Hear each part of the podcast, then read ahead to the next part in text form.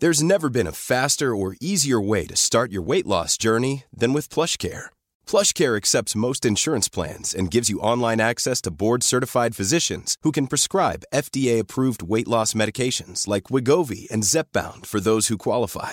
Take charge of your health and speak with a board-certified physician about a weight loss plan that's right for you. Get started today at plushcare.com slash weight loss. That's plushcare.com slash weight loss. plushcare.com slash weight loss. Even on a budget, quality is non-negotiable. That's why Quince is the place to score high-end essentials at 50 to 80% less than similar brands. Get your hands on buttery soft cashmere sweaters from just 60 bucks, Italian leather jackets, and so much more. And the best part about Quince, they exclusively partner with factories committed to safe, ethical, and responsible manufacturing. Elevate your style without the elevated price tag with Quince. Go to quince.com slash upgrade for free shipping and 365-day returns. Quality sleep is essential. That's why the Sleep Number Smart Bed is designed for your ever evolving sleep needs. Need a bed that's firmer or softer on either side? Helps you sleep at a comfortable temperature? Sleep Number Smart Beds let you individualize your comfort so you sleep better together. JD Power ranks Sleep Number number 1 in customer satisfaction with mattresses purchased in-store. And now save 40% on the Sleep Number limited edition Smart Bed for a limited time. For JD Power 2023 award information, visit jdpower.com/awards. Only at Sleep Number stores or sleepnumber.com. Så här är det, era jävla horungar. Jag har fått en avisering om ett paket och det kommer från Bokus. Det är böcker som jag har beställt. Om jag hade fått en avisering på någonting annat, då hade jag hämtat ut det. Men om jag inte har fått en avisering, då tänker jag inte gå och hämta ut någonting. Aha. Ja, men jag Så kan nu- skicka ta en lugner. avisering till det. Om Ta du- lugner. Jag kan skicka en avisering till det. Jag kan inte göra det. Ja, du, jag kan det på riktigt. Ja, men gör det. ja, men jag fixar det sen. Eh, men men okej, ja, men det, då, då har du en ursäkt. Då, då, då tar jag tillbaka. Men så Har fort, en ursäkt. I'm a grown ass man, det är min ursäkt. Det är min ursäkt till allt jag gör.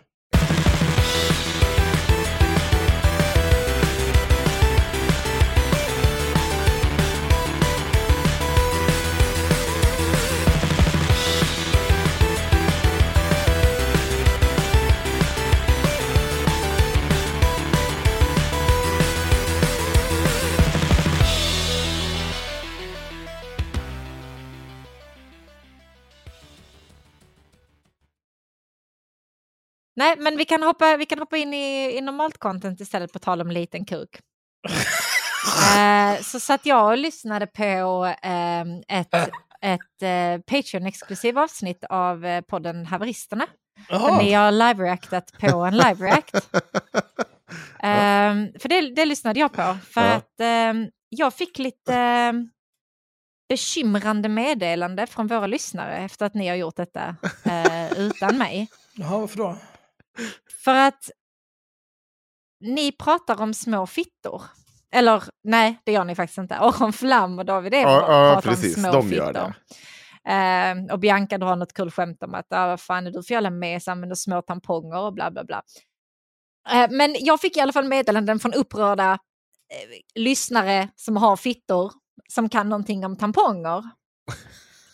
Jag har redan fått 30 A4 Jag av tänkte- Sanna Wanno om det här idag. Ja, jag inte tänkte mer. att ni förmodligen har hört det här från andra håll. Ah. Henrik visste ju i alla fall att det fanns olika storlekar på tamponger. Ja, men jag, jag, har inte, jag visste att det var för hur mycket blödning du har. Jag sa Ja, ingenting Okej, nej, annat. men jag, tänk, jag, bara, kommenterade Jag bara, vill inte. bara att alla ska veta att nu har jag tillrättavisat grabbarna och tampong, Inte storleken på tamponger. grabbarna, jag visste! Nej, det här är en efterkonstruktion. Nej. Det här, alltså jag vill säga en sak Storleken på tamponger har med din blödning att göra. Ja. inte Nu vill jag säga storlek så här, på fittan. allt det här jävla mästrandet om sådana här saker, det gör att jag skiter fullständigt i hela Kan vi ha det klart Ni kan, oss? ni kan gröpa ur det där ur er allihopa och gräva ner det på närmaste strandstrand. Jag kunde inte bry mig mindre.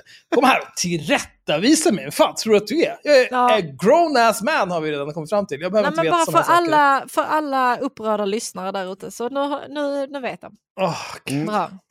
Och på Ja, tal om... jag, kan, jag kan förbereda en slideshow med olika typer av tamponger. Ja, så kan vi ha det en kväll sen. Nej, tack. Jag ska Eh, kan vi- praktisera hos eh, någonstans där de pratar om myteriet hela tiden. Ja. Du får Ja, åka... Nej, men du kan åka och praktisera ja, RFSU i eller? Lady något sånt där. Damers podd eller någon sån där. Åh. De har väl haft en hel del utvecklade samtal om det. Utvecklade samtal, sa du Ut, nej, ja, men- Utvecklande, eller? Va? Ja, eh, nej, vänta, jag menar, alltså, jag menar omfattande samtal om det. Ja, det är ju Jag rätt bra också för att Lady Damer har ju rätt mycket klot. Ja. Jag tänkte precis säga det. Om du lyssnare, det här, nu, nu, nu, vill jag bara ha det här sagt. Vi har så jävla, vi har skapat så jävla mycket content bakom den här Patreon-väggen. Och vi kommer fortsätta, nu när vi har kommit igång, så kommer vi fortsätta, eh, vad ska- vi kalla det? Vi kan kalla det lite påskägg. Inte direkt att du snubblar över, men när vi får andan faller på så kanske vi gör lite skitmaterial. Bara, som till exempel att Axel nu har sett och pratat med Magnifik här i en, ja, vad var det, 45 minuter. Mm. Där han sitter och kallar dig symbolapa. Mm. Ja, du kan göra en drinking game av det där som någon sa. Drick varje gång du blir kallad symbolapa av den här Twitters största no-name. Ja, men det var kul. Förutom att jag ville gröpa ur mina öron för att han inte visste hur han kunde eh, bara sätta i headset ordentligt. Men ja, i alla fall, vi försöker skapa så mycket content som möjligt. Framöver så kommer det, vi gå igenom lite, köra lite true crime och gå igenom hela eh, förundersökningen med eh, Katarina Janouch och hennes förtalsförundersökning och allting som hänt True kring det. crime. Ja, men vi kan kalla det det i alla fall. Eh, Jaha, vi, vi ska, Ska jag vi- tagga om oss på, Nu blir vi true crime-podden här. på Acast? Det finns många mer intressanta fall jag hade velat prata om än Katarina Janouch. Faktiskt, men också ja, men, ja, att bli true crime-podd, eh, det är en stor marknad att ta sig in på. ja sant. Men jag tror Och att våra lyssnare... det, vet ni vad? Eh, jag tittade lite på eh, Dialogiskt. Mm. Ja. Eh, Just det. för att det är Den gamla dängan. så jävla provo provocerande, allt som har med det där att göra.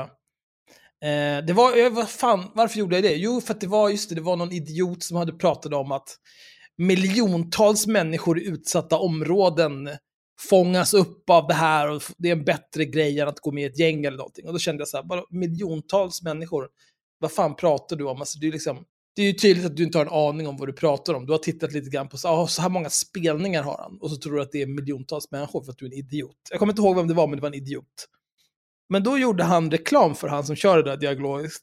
Han gjorde reklam för någon, någon tjänst där de hade transkriberat massor med så här rättegångar. Nej, de hade ljudupptagningar från rättegångar Mm. som man kunde lyssna på i någon typ av så här poddtjänst. Mm. Och då kände jag, fan det här är det mest osmakliga jag har hört i hela mitt liv. Vilken riktigt vidrig jävla cash grab och vilken jävla råtta som gör reklam för det här. Så stängde jag av så kunde jag inte lyssna mer. Okej, Okej, men i alla fall. Vi ska eh, göra lite skit av det. Det kommer i mars månad kommer det mycket, mycket, mycket nytt content. Och det kommer säkert komma mer sådana här små videos som vi bara spelar in eh, och hivar upp där bakom. Bara för att ja, tillhandahålla content åt er. Vi kan säkert rippa den där skiten också och lägga ut bara. Absolut inte. Nej, okej. Men i alla fall, eh, det, det finns en hel del content bakom. Alltså, så, det, är, det, det är många som har bölat så här, Åh, hur ska Ja. jag göra med YouTube när så det är så himla svårt så här. Vet ni vad? Eh, var vuxna. Sitt vid en dator och lyssna. Öppna en tab med YouTube och gör någonting annat under tiden. Eller var vuxna.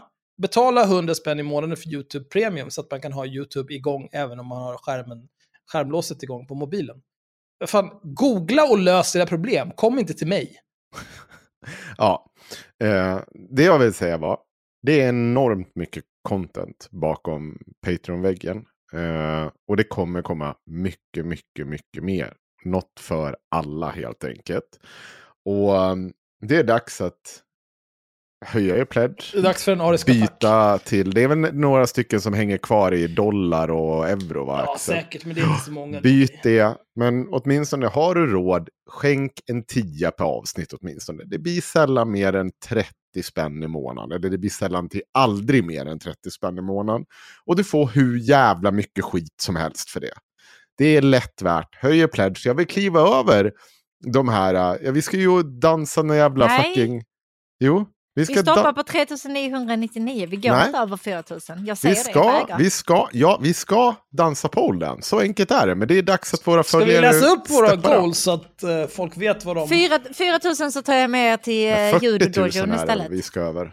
För att vi till ska till. Dojon. Vad Nej. fan är det här? 4000 Patreon. Det är 40 000 i 40 000. månaden. Just det, det är 40 på 000. pris, inte antal Ja. patrons. Fy fan, okej. Så vi är inte Eh. jättelångt för. Vi är på 36 800 idag. Ja. Och Eh. på 40 000 så får vi alltså, ja då ska det filmas när vi håller på att dansa pole-dans. Då ska vi upp på Polen ja. Och just det, ja, 50 000 är bäst. Det är för det Axel gör en seriös ansökan till Gift vid första ögonkastet med liknande socialporr. och 60 000 Sanna Legitim som mellannamn. Åh Ja. gud. Tim som mellan, så jävla dumt. och så vidare. Men jag vill i alla fall upp över 40 000. Det är jag vilja. Och det finns nog med content där bakom. Och ni, jag vet att det finns en massa människor där ute som faktiskt har råd att lägga mer än en tia i månaden. Ni kan åtminstone lägga en tia på avsnitt. avsnitt. Så med det sagt så tycker jag att vi kan gå in på lite ämnen. Och jag tänker innan Axel, du ska få skälla loss över ditt take. Nej men kan vi bara få det här gjort? Jaha, okej gör det då. För att alltså, de här människorna är ju riktiga jävla idioter. Eh, vi pratade för ett tag sedan, eller jag pratade med Malin Appeltoft som var en av eh, tre eller fyra som har gjort, skrivit de här jävla riktlinjerna för stand-up. Och jag har fan aldrig varit med om att folk bölar så jävla mycket. Och jag har framförallt aldrig varit med om att våra lyssnare och patrons bölar så jävla mycket. Fy fan vilka jävla idioter ni är alltså. Så jävla pantade. Precis, Jag ska, jag nej, men ska läsa den dummaste jäveln här alltså. Gud. Eh, vi kan säga att han heter Love, för det gör han. Det var plågsamt att lyssna på det här avsnittet. Tog paus två gånger för att ge det en ny chans och försöka gå in neutralt och lyssna igen, men det hjälpte inte i slutändan. Vi kan börja med det här. Avsnittet är typ 45 minuter långt. Alltså hur jävla fragil är du? Ta dig samman. Men fattar du hur plågsamt det var, eller? Åh, det är riktigt pinsamt att höra någon från haveristerna sitta och apa efter vad som i det närmaste kan beskrivas som sissi-retorik. Och sen har han försökt göra någon slags punkter här. Nedsmutsning av meningsmotståndare före och efter att man lite slappt missrepresenterar kritiken som riktats mot den. Eh, då vill jag påminna om att eh, den kritik som vi främst pratade om, eh, det var det som Branne Pavlovic sa i SVT. Det som jag läste upp efter deras transkribering. Eh, Malin som jag pratade med sa att när jag läste upp det så sa hon, ja då säger han ungefär exakt samma sak som Magnus Bettner. Ja, okej. Eh, och också så här, jag vet inte, ja, vi kan fortsätta. Upprepade försök att isolera sagda personer som outliers och ensamma i sin kritik. Det var inga försök att göra det, jag ställde frågor om vad för typ av kritik och, feedback de hade fått. Och jag frågade till exempel så här, men upplever du att liksom, eh, majoriteten av er, de som du har pratat med, tycker att det här är bra eller inte? Din jävla fitta! Konstant sitta och hänvisa till en anonym och troligtvis fiktiv skara medhållare som minsann tycker att de varit alldeles för snälla och goda. Du tror inte att det kan finnas vissa typer av maktbalans i den här ruttna jävla fittbranschen som gör att yngre och kanske framförallt kvinnor inte är så jävla sugna på att vara öppna med sina namn och vilka de är, när det sitter horungar som Magnus Bettner, Branne Pavlovic och bara “det är bara skit, du ska förhindra vad jag ska säga vad jag vill på scen, jag vill inte säga hej till folk, det finns folk jag hatar via mitt svarta ätte. Då kanske inte vi gör sig ovänner av det när de är i början av karriären och känner att de är underläge redan från början. Det är bara en tanke, jag vet inte. Hela det här projektet är egentligen ointressant. Ändå har du skrivit 40 A4 här. Hela det här projektet är egentligen ointressant och de får väl lägga fram vilket förslag de än vill. Men det har kommit en hel jävla massa rimlig kritik och att bemöta den så här är motsatsen till vad jag förväntar mig från den här podden. Vet du vad jag förväntar mig av dig Lou? Jag förväntar dig... För jag orkar inte se den här dumma skiten. Du är fan den dummaste människan jag någonsin har stött på i hela mitt jävla liv. Idiot! Om det har kommit en massa rimlig kritik, varför skriver du inte någonting av den här då? Apa! Här är ett axplock av kritiken jag hört, där kontentan är att det är en massa bajs inströsslat i chokladen och tillvägagångssättet har varit skumt med tveksamma motiv. Allt det här du skriver sen efter det är bara bajs. Det är bara bajs. Det rör sig om en hel konstform och inte ett enskilt företag. Regler om till exempel backstage bör vara upp till individuella klubbarrangörer. Men vet du vad? Det är det! För det är riktlinjer, din dumma jävla horunge. Det är inte lag. De får göra precis som de vill. Hon sa ju till och med att nu ska vi gå ut och försöka se till så att folk ansluter sig till det här. Jag liksom, har du hål i huvudet? Är det bara härsken sperma i hela, inuti hela din jävla kropp? Idiot! Åh! Det, gör, det gör, skulle knappast tas emot... Vad fan, vad skriver du ens? Det skulle knappast ta emot om det riktades mot resten av scenbranschen också, som att alla scener uppträder var en homogen miljö. Om det vore så att allting som försiggår på en scen var exakt samma sak, då skulle det säkert vara rimligt. Men man kan väl tänka sig att det finns viss särart med stand-up eller med spoken word eller med vi som spelar musik eller vi som spelar nyckelharpa. Vad fan nu folk gör på scen, jag är inte kulturarbetare, jag är ett riktigt jobb. Ta det samman. Det är konstigt att fria andra komiker från mothugg från scenen.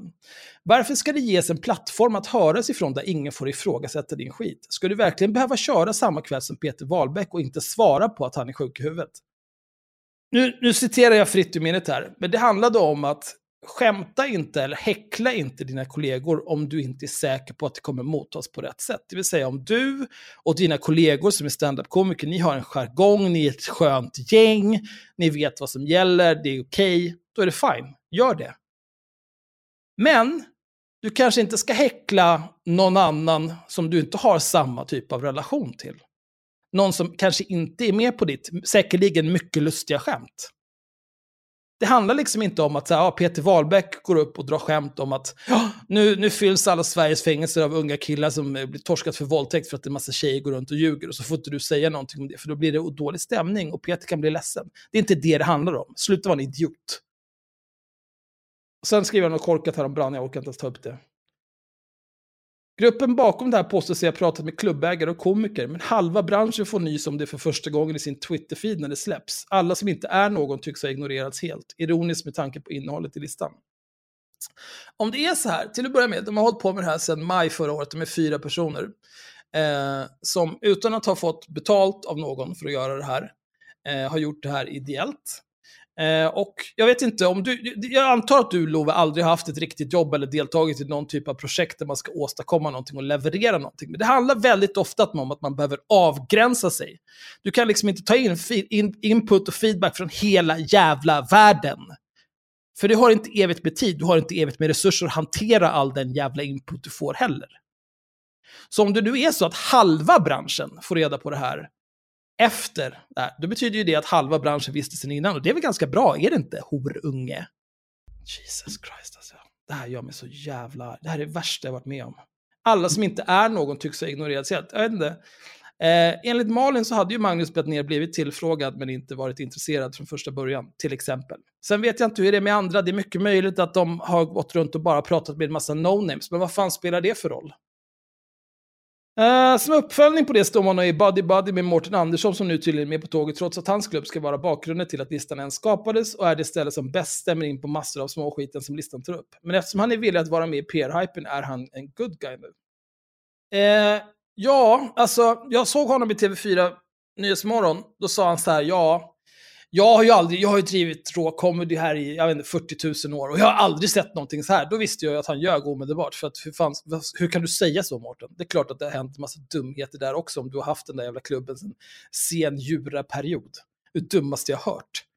Men om han nu är en av dem som tycker så här, ja men fan, nu ska vi ha lite riktlinjer och reda ut det här och se till så att folk slutar fara illa och må dåligt och må skit.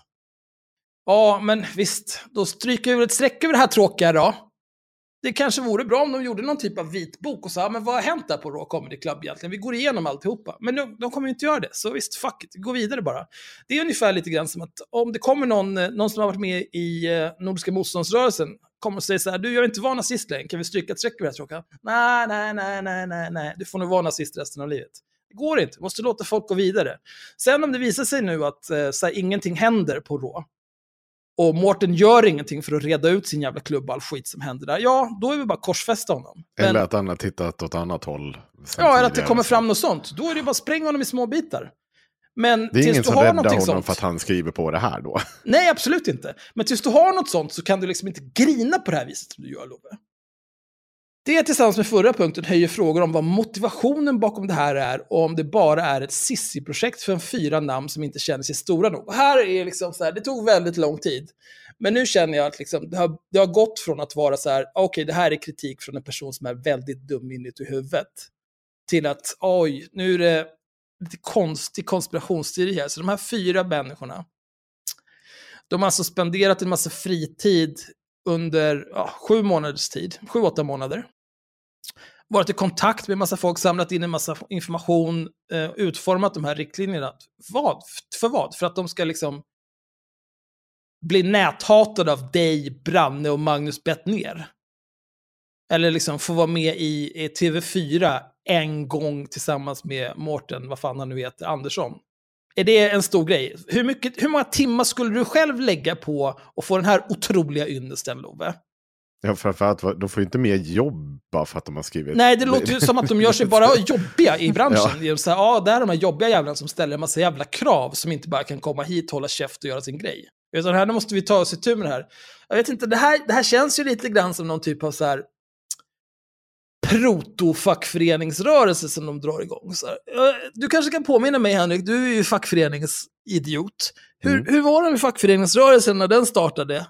Var det, var det någonting som togs emot med öppna armar och de blev så otroligt populära, de som försökte organisera folk? Jag skulle inte säga, det, det är inte första gången någon haft, tycker att det är jobbigt när olika typer av eh, vad heter det, ja, men kulturella evenemang och det som händer bakom scen och runt scen och sånt börjar tvingas på en förändring. Och att men så här har vi inte gjort förut, eh, skitjobbigt. Måste vi börja bete oss som folk? Ja.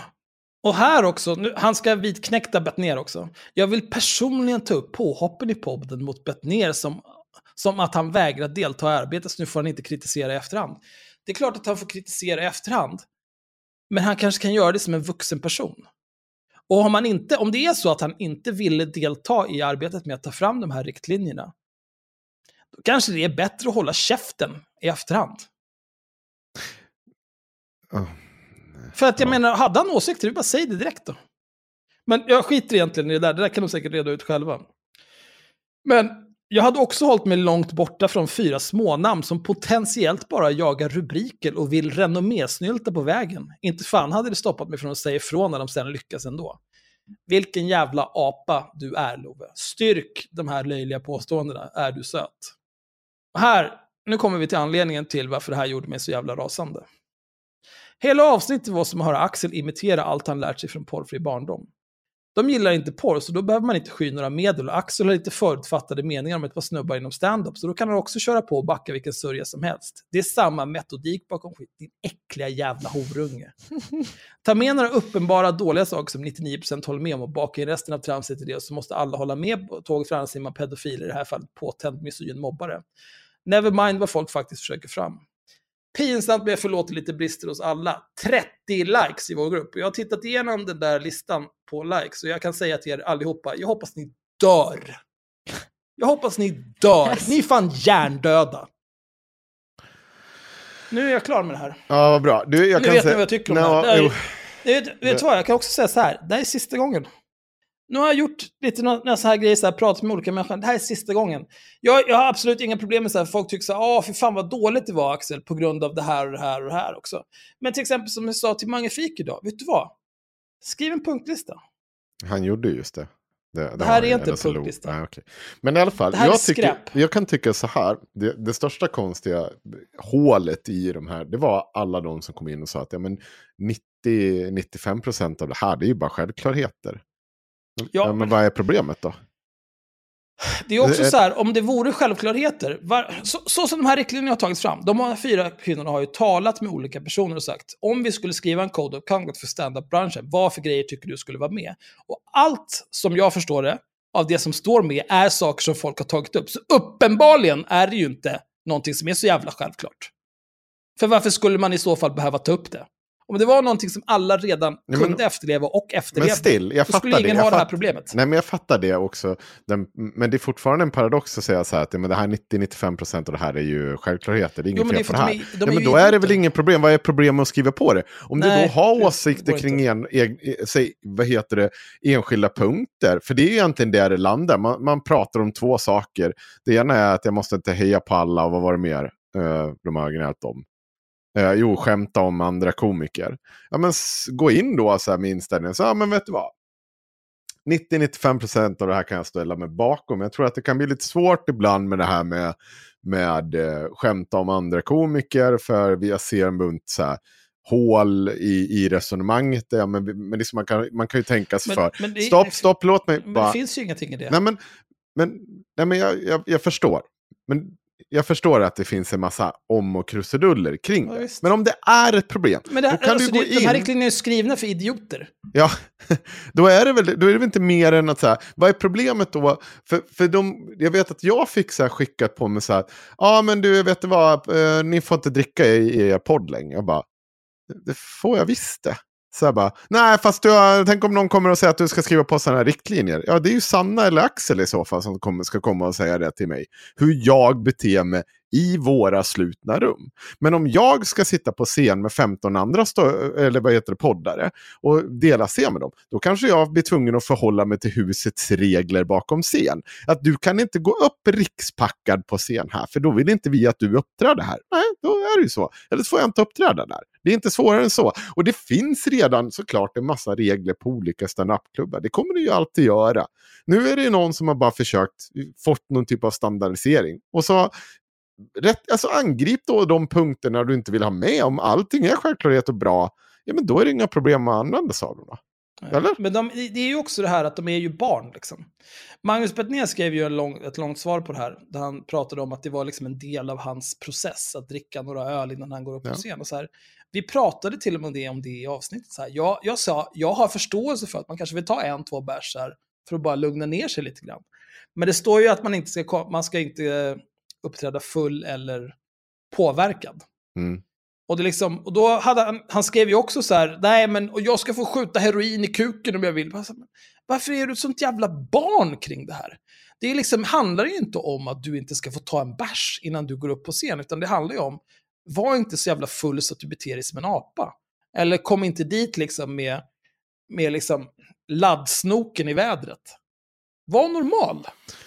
Nej, och det kan ju bli ett problem med de som du också dealar med som ska så, som, som, ans, ja, som kommer till. Men, men det där, det är, också, det är, det är inga konstigheter egentligen. Det handlar bara om att liksom så här, tänk till. Ja, visst.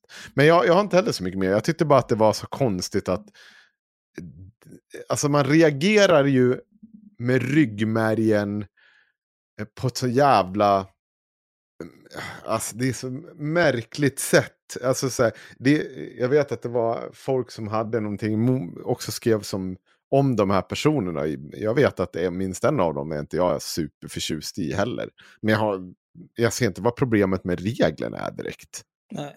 Det är bara... Nej.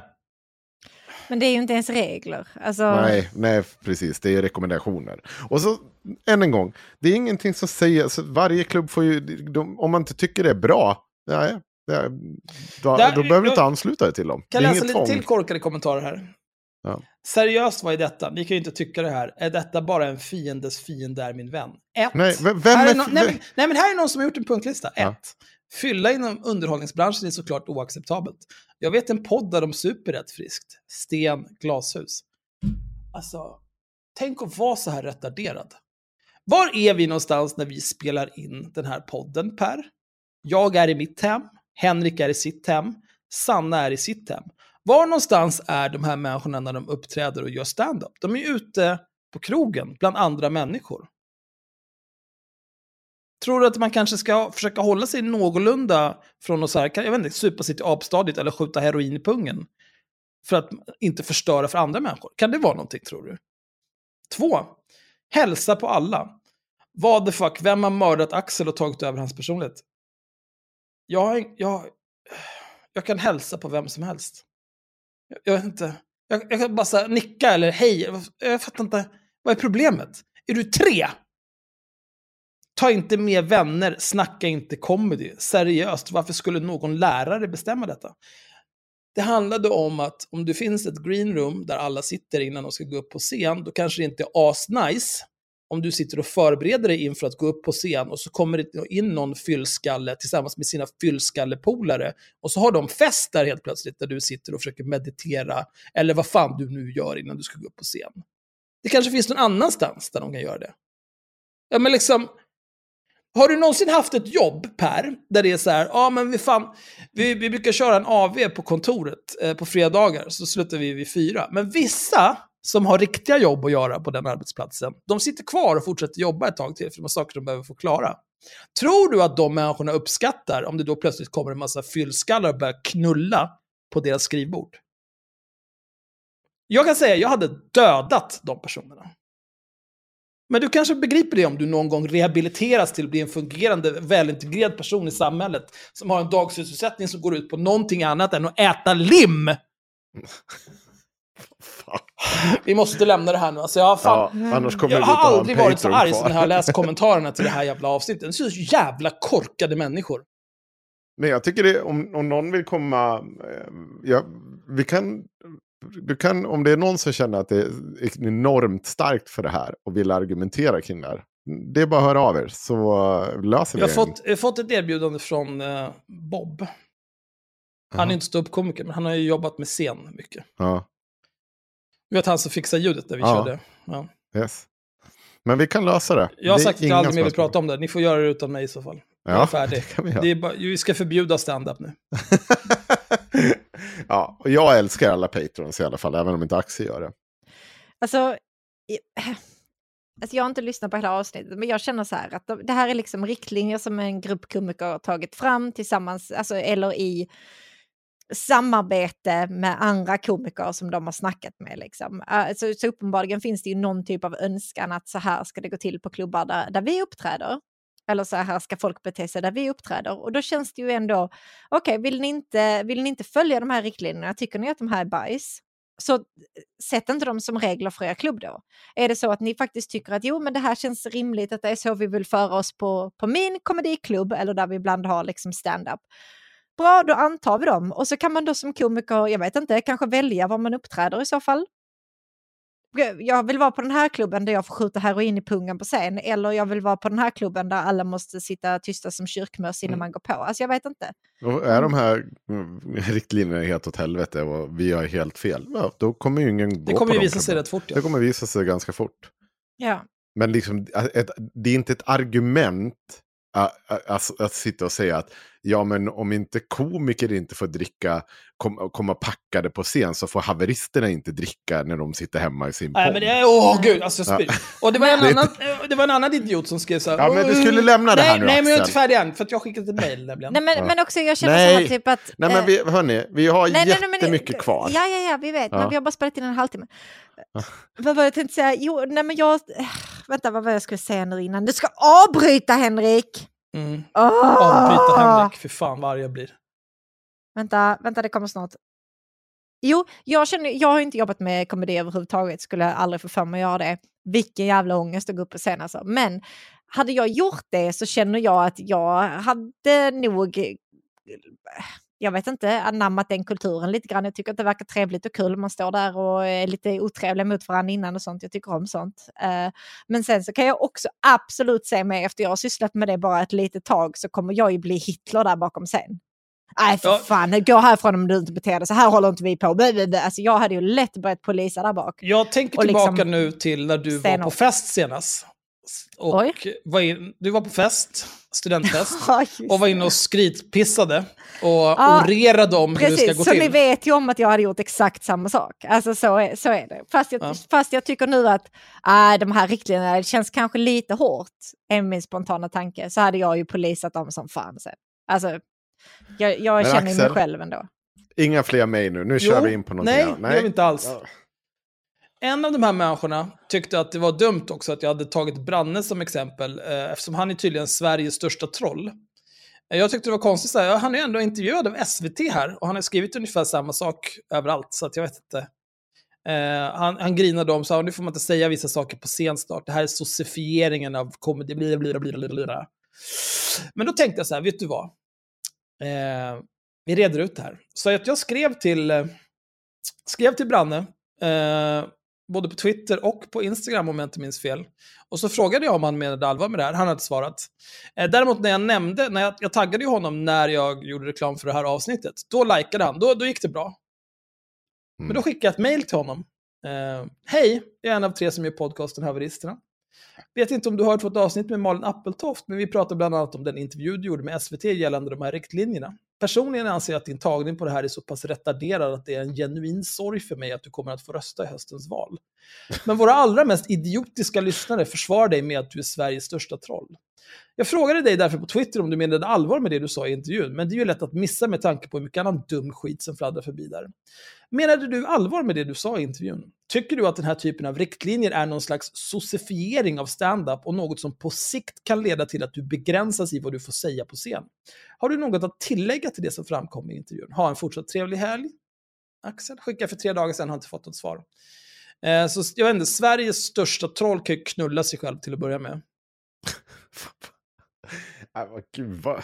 Nej men alltså jag är så trött på det här packet. Ja, men nu går vi vidare. Nu har vi kränkt hela vår föreläsare.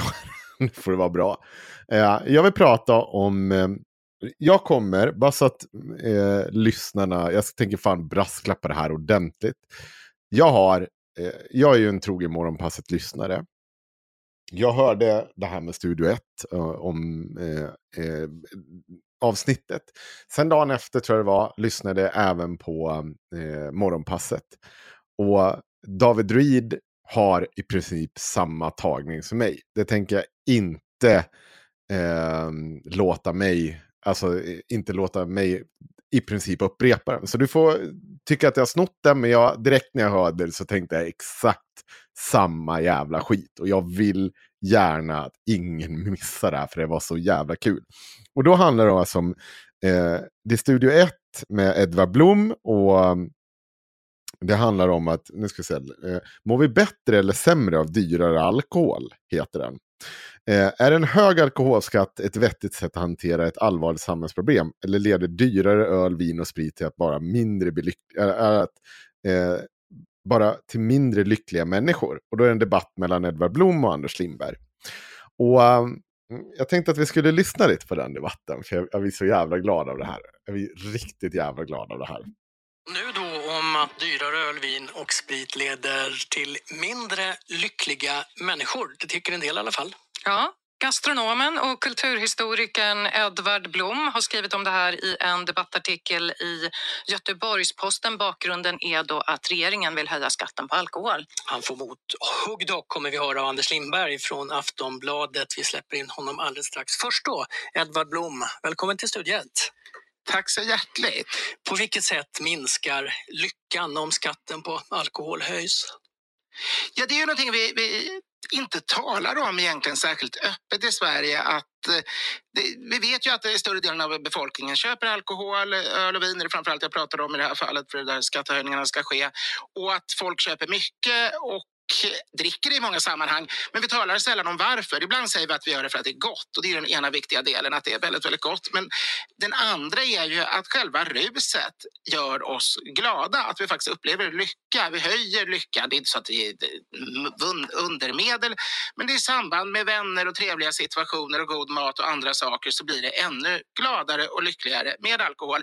Och det talar vi inte så mycket om. Det finns en sorts skamkänsla att, att faktiskt tycka om att bli berusad fast man historiskt i årtusenden man har lovordat ruset så länge det har funnits högkulturer. Jag menar, jag citerar i min, min artikel ett av alla ställen i Bibeln där, där man talar gott om, om vin.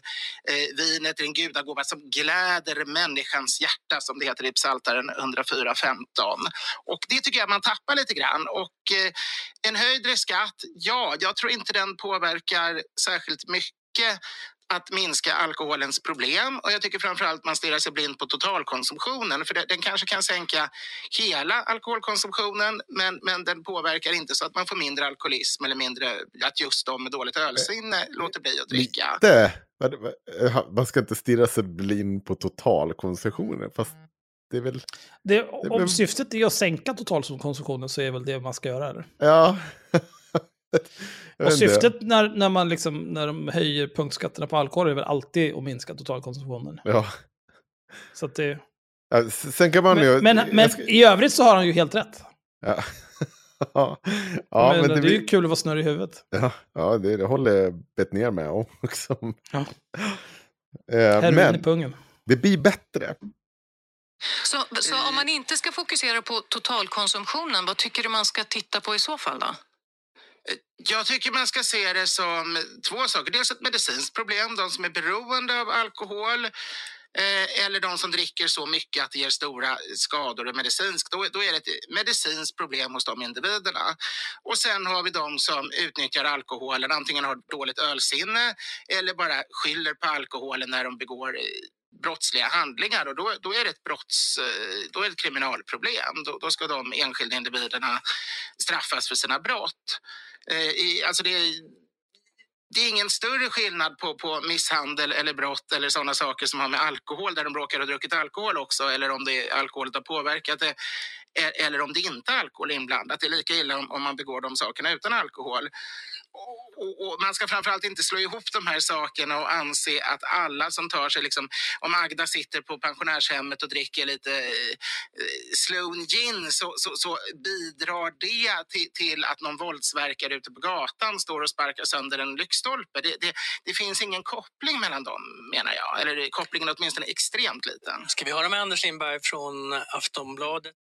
Det, det är ju ändå så att man blir ju rätt korkad av att dricka alkohol.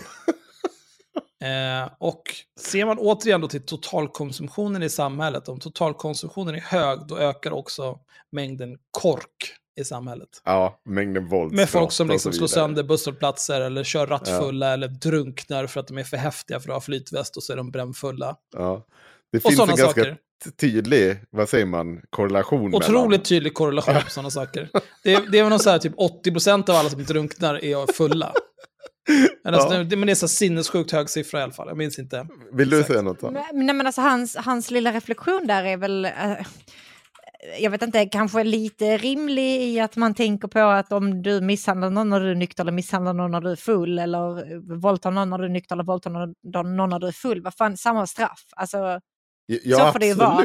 Men längre än så håller det ju verkligen inte. uh, Nej, ja, men precis som ni säger, liksom, att eh, risken för olyckor och sånt är ju gigantisk så fort du dricker alkohol. Folk som skjuter fingrarna av sig på nyår till exempel för att ja, nu, jag kan skjuta den här jätteraketen, jag kan hålla den i handen, det är ingen fara. Pff. Och risken för att du misshandlar någon går ju också upp. När du ja men precis, det finns man ju... Blir ju man blir stingslig när man men dricker. Det, men det, fyller, det skyller han ju bara på dåligt alkoholsinne. Ja. Alltså så, han blir ju liksom alltså, gladare än tomten när han tar en liten, liten sup.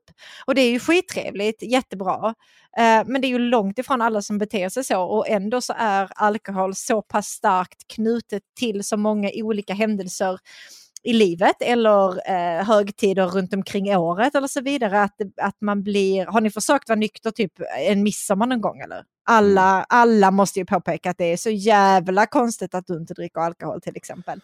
Uh, så det, det, alltså, eh, att, att, minska alkohol, att minska totalkonsumtionen eller i alla fall minska, försöka minska sättet som vi ser och brukar alkohol i Sverige är väl superrimligt. Men, men det blir bättre. Vi ska lyssna på lite till. Och du är med i telefonen, tror jag. Eh, vad säger du om hur alkoholens problem eh, bör hanteras enligt Edvard Blom? Nej, men jag tror att vi har ju en, en, restriktiv alkoholpolitik i Sverige av en orsak. Och det är ju att alkoholen eh, skapar ju oerhörda skador också. Det är naturligtvis trevligt och, och precis som Edvard säger, att, att dricka alkohol och folk är glada och festar och så. Men det har ju också en baksida som är väldigt tydlig. Och tittar man på, på den, den statistik som finns och den kunskap som finns så säger Folkhälsomyndigheten att alkohol är en av de främsta riskfaktorerna för sjukdom och tidig död. Det är ungefär 5% av alla vårdkostnader som Sverige har eh, som idag kommer från alkohol. Och tittar vi på unga människor speciellt, så, så mellan 15 och 19 år så är alkohol den enskilt största riskfaktorn för sjukdom och död. Eh, och det där är ganska intressant, för jag, jag tror att det här handlar om det är ju liksom å ena sidan den här känslan av glädje och festande som, som Edvard pratar om. Å andra sidan de människor som drabbas av alkoholen. Och det är inte bara de som, som är alkoholister som drabbas utan det är ju de kringboende. Enligt den statistik som finns så är det var sjunde svensk som upplever obehag för att någon närstående dricker. Så det är ett oerhört stort samhällsproblem. Och tittar du på sociala problem och, och, och så, brottslighet så är en mycket stor del av, av våldsbrottsligheten kopplad till alkohol. Och det är inte så att det, som Edvard säger att det spelar ingen roll om de är fulla eller inte. Grejen är att de hade nog inte slagits om de, om de var nyktra. Och det är det där som händer i samhället när, när totalmängden alkohol ökar. Och, och då handlar det liksom faktiskt väldigt konkret om mängden alkohol. Om, om priset är lägre, tillgängligheten högre, då dricker människor mer. Då blir det mer av de här problemen. Om tillgängligheten är lägre och priset är högre så blir det mindre problem. Och då måste man liksom, kan man se sig själv i andra? Kan man så här, förhålla sig till hur andra människor har det? Ja, då har man en restriktiv alkoholpolitik. Ma- Man kan ju här, om jag ska vara eh, den liberala djävulens advokat, så är det ju inte så att om vi bara förbjuder alkohol så försvinner problemen. Det har vi ju sett att det kan smörgåssprit enorma problem. Ja, eh, men, men det, det finns säkert någon gräns eh, där det där inte funkar längre. Sen får väl politiker och andra slåss om var exakt den. Jag tänker inte ge mig in i den debatten. Men det är nu det blir riktigt bra. enligt min uppfattning. Och det har vi i Sverige och jag tycker att det är en ganska bra ordning. Eh, sen exakt vilka så här, kronor och ören det ska vara på, det, det, det, ja, det tror jag ändras över tid. Men jag tycker det är en ganska bra idé om man tittar på problemen just nu, att man höjer alkoholskatten. Det är inte av moraliska skäl som Edvard sa, utan rent liksom folkhälsomässigt. Edvard Blom, vad säger du om det? Att, det att man kan se det som en fråga om solidaritet. Är det värt din lycka för att kanske någon annan ska må mindre dåligt som en konsekvens av att den eller någon i dess närhet har druckit alkohol? Nu, nu är inte jag ute i lite risk som man verkligen ska väga hur många vinner, hur många förlorar, vad är. Eh, jag skulle säga att sambandet är relativt litet. Om totalkonsumtionen som då sprids kunskap om, som man hävdar då enligt, enligt Systembolagets bekostade tankesmedjor, att, att ha en sån betydelse, skulle ha en betydelse, då skulle ju länder där det var förbjudet med alkohol ha mycket mindre våldsbrott och kriminalitet. Det finns ju inget som helst sån siffra på, på att de länder där alkoholen inte existerar eh, har någon vinst. Eller att Sverige skulle ha mindre problem för att vi har en så kallad restriktiv alkoholpolitik. Restriktiv alkoholpolitik består i större delen att vi ska nasa fler lågprisviner i bag-in-box till vanligt folk än i något annat land. Att vi ska dricka dålig kvalitet och att det ska vara mycket skatt så staten kan ta in mycket pengar.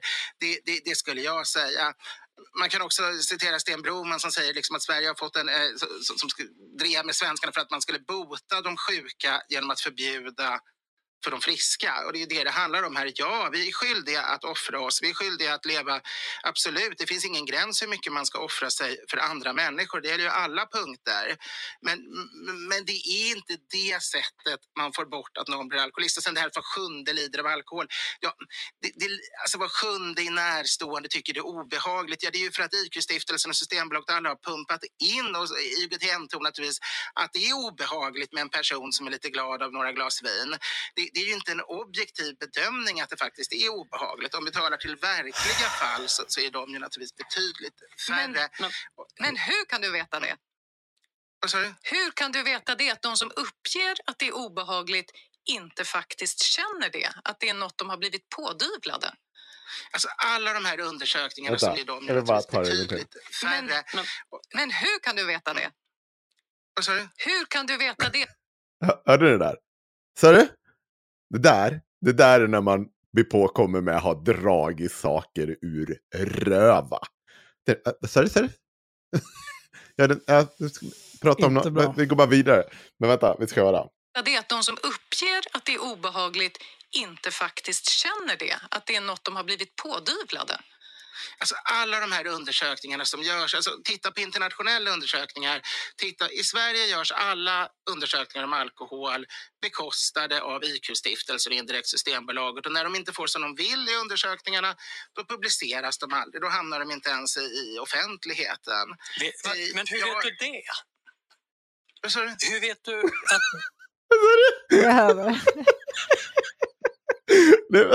Nej men Edvard. Fan vad jobbigt att han gör så här. Alltså, Det är också väldigt tydligt att Edvard Blom lever ju liksom... Edvard Blom har det ju inte dåligt ställt. Nej. nej, Gunnar. Han kommer ju inte drabbas av att eh, priset går upp några kronor. Han skiter ju i det. Ja. Eh, och det, jag får också intrycket av att han, när han dricker alkohol, så är det väldigt trevligt. Och det har jag full förståelse för. För att jag kan tänka mig att i de kretsar han rör sig i, de vänner han har, där handlar det liksom, nu ska vi äta och dricka gott och dricka gott. Och liksom, eh, vi har inte jättemånga problem i livet. Någon kanske lider av lite psykisk ohälsa, men det är inga problem. Det Mm. reder man ut. Det är liksom inte så här, ja, vi lever inte paycheck to paycheck för att betala räkningarna och så här. De här jobbiga vardagsproblemen som gör att folk super ihjäl sig för att de inte orkar mer. Eller att de liksom spelar bort de få pengar de har kvar. Vad de nu fastnar i för beroendeproblematik.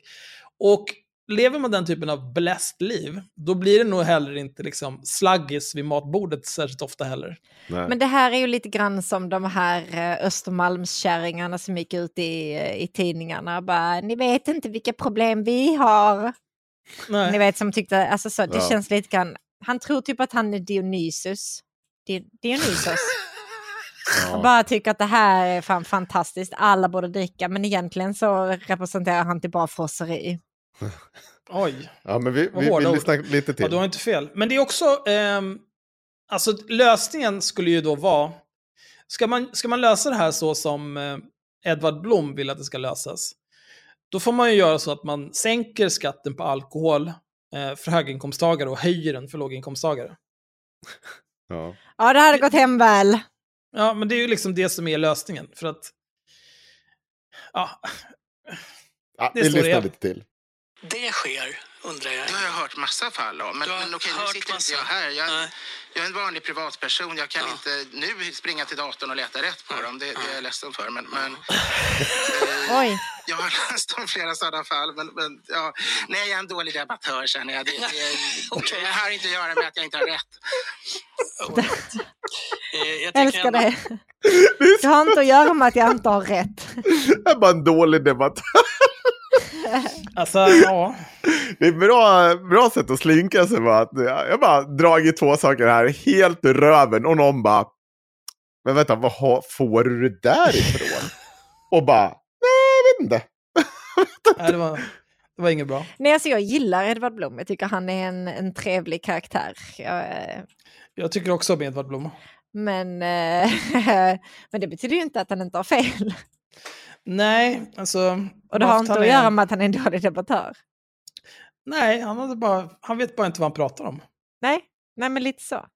Han lever lite grann i en annan värld och han har lite grann byggt en persona av att eh, jag menar att, att bara allting handlar om god mat och god dricka liksom. Att, eh, det, så är det. Det är vad han kommer, det är vad han Han, lever ju drömmen. Ja, men han kommer tycka det är blint liksom. Det spelar inte så mycket roll vad man säger till honom och eh, sanningen är inte verkligheten påverkar inte honom så mycket.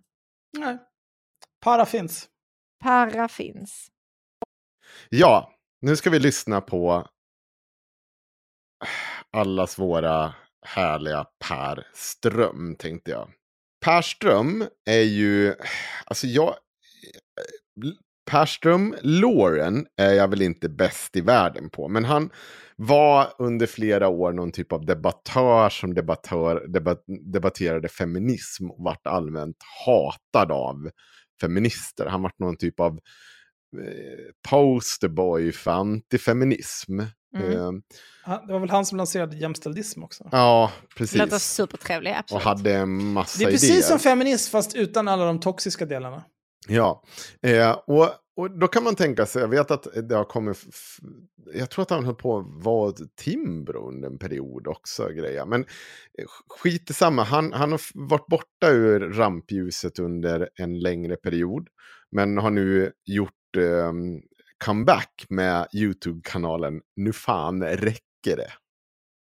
Yes, det låter Riktiga. exakt som övre medelålders man som är arg. Och Inte vit, bara övre, han är gubbe vid det här laget, han är Ja, riktigt mycket vit gubbe här gubbe laget. låter det exakt som. Ja, ehm, och eh, i senaste, ett av de senaste avsnitten så har han tagit med skådespelaren Ulf Brumberg för att diskutera, eller avsnittet är så jävla bra. Det, bilden för avsnittet är Ulf Brumberg, feminister hotade mig med kaststjärnor. Oj, Och det vet man ju hur mycket feminister det är som spelar. Det är så sinnessjukt. Nej, men det händer mig faktiskt nästan varje dag att jag Ja. stöter på feminister med kaststjärnor. Det är så Ja. himla vanligt. Så är det. Och eh, det, det är i alla fall väldigt, ja, det är spännande. Det är ett spännande sätt. Och och jag, jag, jag trodde liksom att nu skulle jag lyssna in mig på det här skiten bara för liksom lite skojs skull och bara höra det här när feminister sprang och jagade Ulf Brunberg med kaststjärnor. Men det här var så mycket mer. Det var så mycket bättre. Och Sanna, hur, hur kände du när jag ringde dig för ett par timmar sedan? Och Jag, inte fick luft. Jag hade precis kommit hem, jag hade precis parkerat bilen. Ja. Och så ringer Henrik och jag svarar hallå? Och så hör jag bara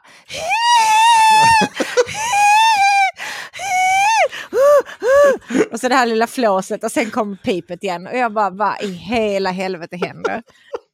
Ja, hej Henrik, vad, eh, vad vill du? Ja, nej, då, efter många om och men så fick du till sist framåt och lyssna på det här. Och du tycker Mm. att det är så hysteriskt roligt och vi måste prata om det ikväll. Ja. Och jag frågar, jaha okej, har du lagt länken i liksom, äh, dokumentet? Bla- Nej, du får inte lyssna på det, du får inte lyssna på det innan, ja, du måste lyssna på det sen. Och jag bara okej, ja, ja, nej men då ser jag fram emot det, det verkar ju vara kul. Ja, nej, jag måste bara berätta en sak som de sa. Ah, okej Henrik, ja, nej men absolut, berätta du den saken. Eh, så att jag, jag har höga förhoppningar här. Det, ibland ringer de mig och väser och det är nästan alltid bra content. ja, då ser vi. Då tycker jag att vi kör igång nu. Så jag hoppas att det är ungefär rätt i tid nu. samhällsdebattör. Men eh, jag reagerar inte mer än många andra normalt på det som händer runt omkring oss. Och det tycker jag kanske att fler borde göra lite mer kraftigt. Mm, det tycker jag också. Du, eh, 2011 så var det en ung kvinnlig häktesvakt som blev eh, mördad eh, av en grovt kriminell.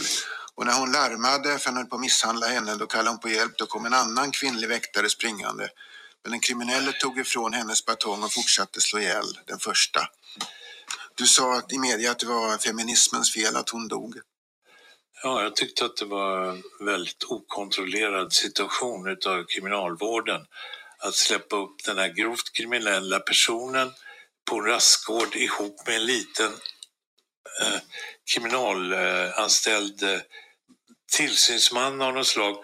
En, vad var hon? 1,60 lång, 1,65. Henne hade jag ju tagit i armbrytning på två röda. Och man ska Hon som blev ihjälslagen. Ja, men vad rimligt att säga det. Ursäkta, jag är under 165 lång och jag vill ju säga att jag hade tagit den här gubbstruten. Jag är inte säker, men, men jag vet inte heller riktigt om det är problemet. Det finns en Peter-dokumentär tror jag om det här eh, mordet som det är. Eh, det finns en hel del kritik mot kriminalvården. Men ingenstans i den kritiken så handlar det om att feminismen har gått för långt. Utan det handlar snarare om att varför är en ensam person tillsammans med den här Ja. typen av farlig person. Och att det liksom handlar inte om att det finns, det är inte så att du, du får inte vara 1,60 lång för att jobba inom kriminalvården. Utan det handlar ju såklart att man bemannar på ett sådant sätt så att man kan föra personer säkert från ett. Och det ska liksom göra skattningar på de här eh, individerna och ja, det, det är en hel Självklart. del grejer som är, det är allt förutom att det här är feminismens fel. Allt förutom det är vad det handlar om. Folk slogs ihjäl även innan feminismens intåg. Nej. Det vill säga, Nej. vi, vi, pratar inte då feminismens intåg som i, i term, termer av att feminismen blir en teori, utan det vill säga att innan kvinnor fick jobba inom de här typen av yrken eller yrken överhuvudtaget så slogs folk ihjäl i, ja. Men det, det finns mycket att kritisera det här. Jag rekommenderar i så fall om ni vill läsa eller lyssna på det så Peter Dokumentär om det är väldigt bra. Det är en väldigt tragisk historia, men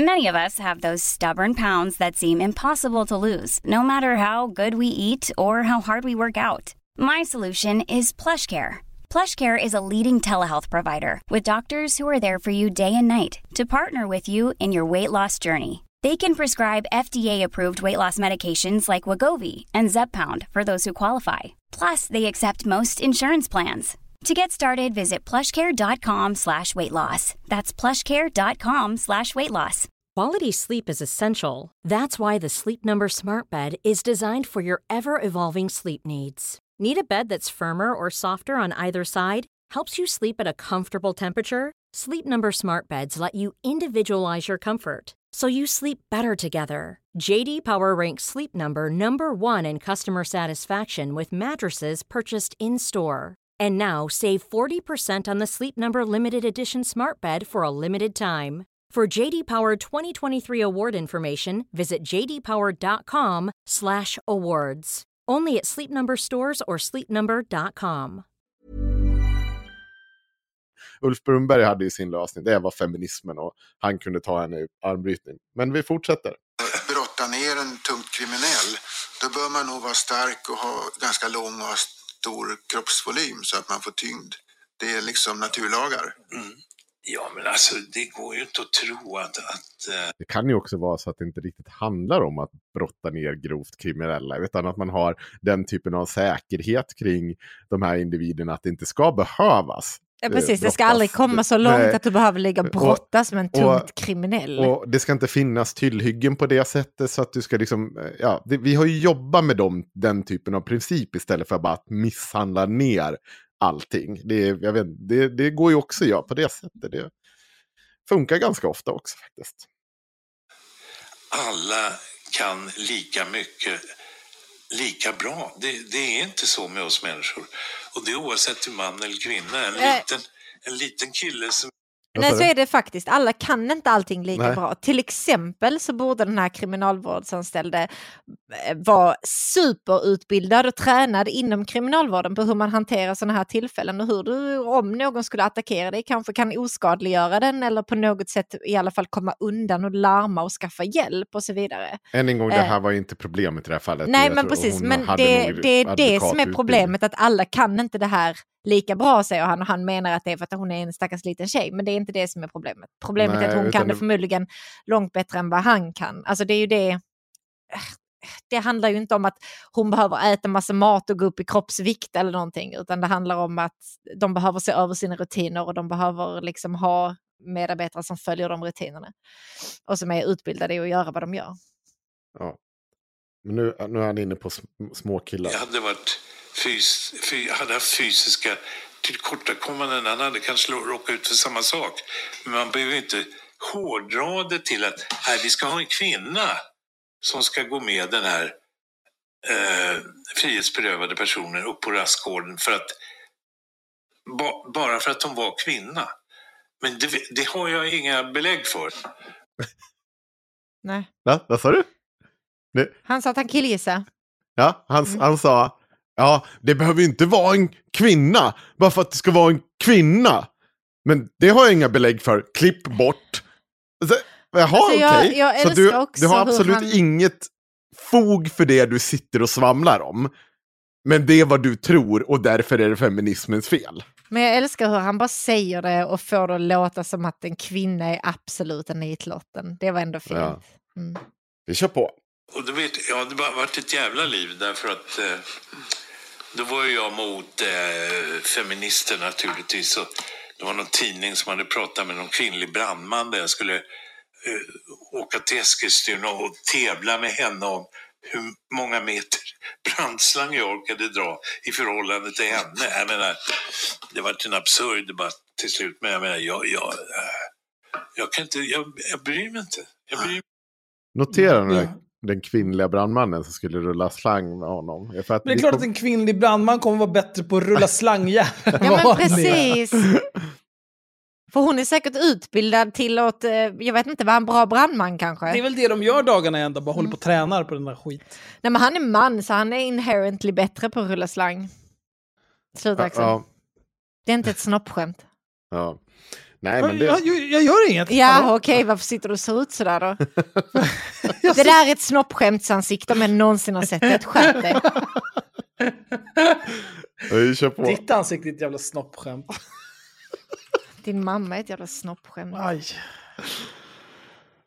Du är lite stingslig idag tycker jag. Ja, nu kör vi på. dumma påhopp. Efter det där, när du sa det här att det var feminismens fel, då var det en feministisk grupp vid namn Oinskränkta vita män som tog ett privatplan och skulle nallebomba ditt hus. De eh, flög över där jag bor och eh, bombade området med nallar som det stod något på som jag inte... Jag har skrivit upp vad det stod. Vad stod det? På en nalle stod det Jag är tjej men ändå stark som en björn. På en annan nalle stod det Snopp eller batong, vilket vapen är bäst tror du?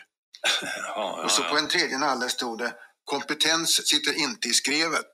Det är förvisso sant. Däremot kan man väl konstatera att eh, muskelstyrka sitter ju ofta i musklerna. Bra sagt! Tråkigt för de här människorna som måste göra så här. Jag tycker att det bevisar lite grann om dem själva. Det slår ju mot dem. Det slog inte mot mig, jag brydde mig inte. Men sen var det ju ett annat anfall jag fick där. Det, det var, det, vad heter det när man kastar... Eh, de kastade ninja, ninja heter det väl? Ninjaknivar, ninjavapen som de också fällde över mig där. Och det bevisar att det är en, det är en militärisk ninjavapen, vad pratar du om? Ja, det var upptäckt. Jag blev ju faktiskt hotad. Ninjastjärnor heter det. Ninjastjärnor. Åh. Ninjastjärnor, det är såna... Jag vet inte om du har sett de här kampfilmerna. Där använder man de här ninjastjärnorna. Vadå kampfilmer? Alltså han är så gammal, det är så går av på dem. dåligt. De kastar mot dig. Det var det de...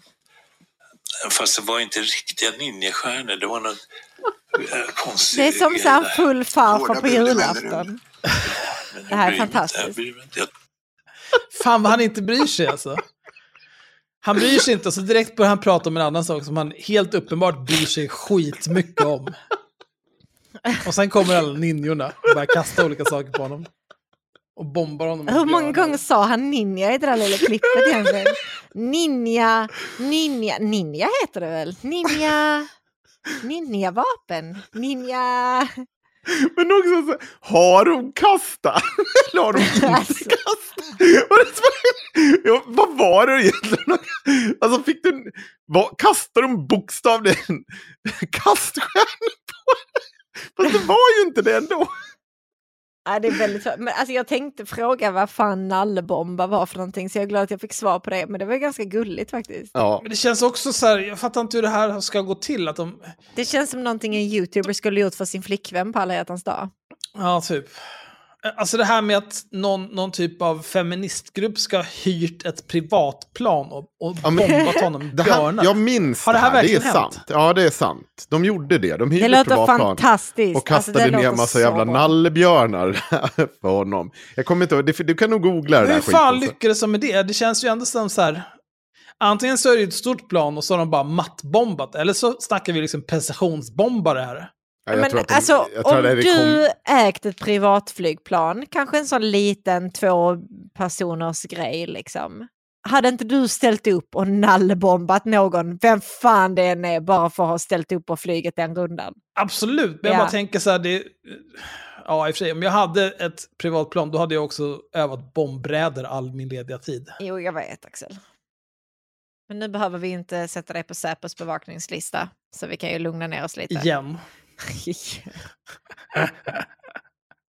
Ja, okej. Nej, det är lugnt, jag har kontakter där. Jag, jag fixar ut dig. Ja, bra. Jag, jag gömmer mina kaststjärnor då. Ja, nu kör vi vidare. tycker mest synd om dem. I samband med den här nallebomben så sa Mark Levengood i en tweet. Om man kastar om bokstäverna i Ulf Brunnberg så blir det tjoflöjt vad tomt det är på vinden. Vad säger du om det? Ja, vad fan ska jag säga? Det är snarare det att det verkar lite tomt hos honom som inte kan komma på något annat. Och sen var det då Bra, clap back! Wow! dåvarande kommunistledaren Lars Ohly. Han twittrade. Man kan inte bli arg på Ulf Brunnberg eller på en valp som kissar i tvätten. Båda gör sitt bästa utifrån bildningsnivå. Jävlar! Ska han yttra sig om det? Som har, jag tror han har gått ut folkskolan. Hans pappa var präst i Blackeberg. Alltså, Och sen var han konduktör på SJ. Tåg. Konduktör tror jag. Ja, jag vet inte. Han kanske har pluggat i vuxen ålder, inte vet jag. Men det är också en sån sak som går mot honom själv. Ja, men alltså vad är det här? Det är sjuka burns. Alltså, man tappar lite när man ser blicken i de här människornas... Alltså, det, du vet, det är två gubbar som sitter på en parkbänk och har djupa konversationer om absolut vilket jävla svammel som helst. Jag älskar det här. Kan vi snälla Ja. bjuda in dem på middag eller? Jo, jo, jo. Ja, men vet du, jag, jag bjuder gärna in Perström och det är ju jättemånga som vill att vi ska ta in honom. Men vi, vi lyssnar vidare. För det blir bättre. Jag tycker att det säger mer om honom än om hans utfall mot mig.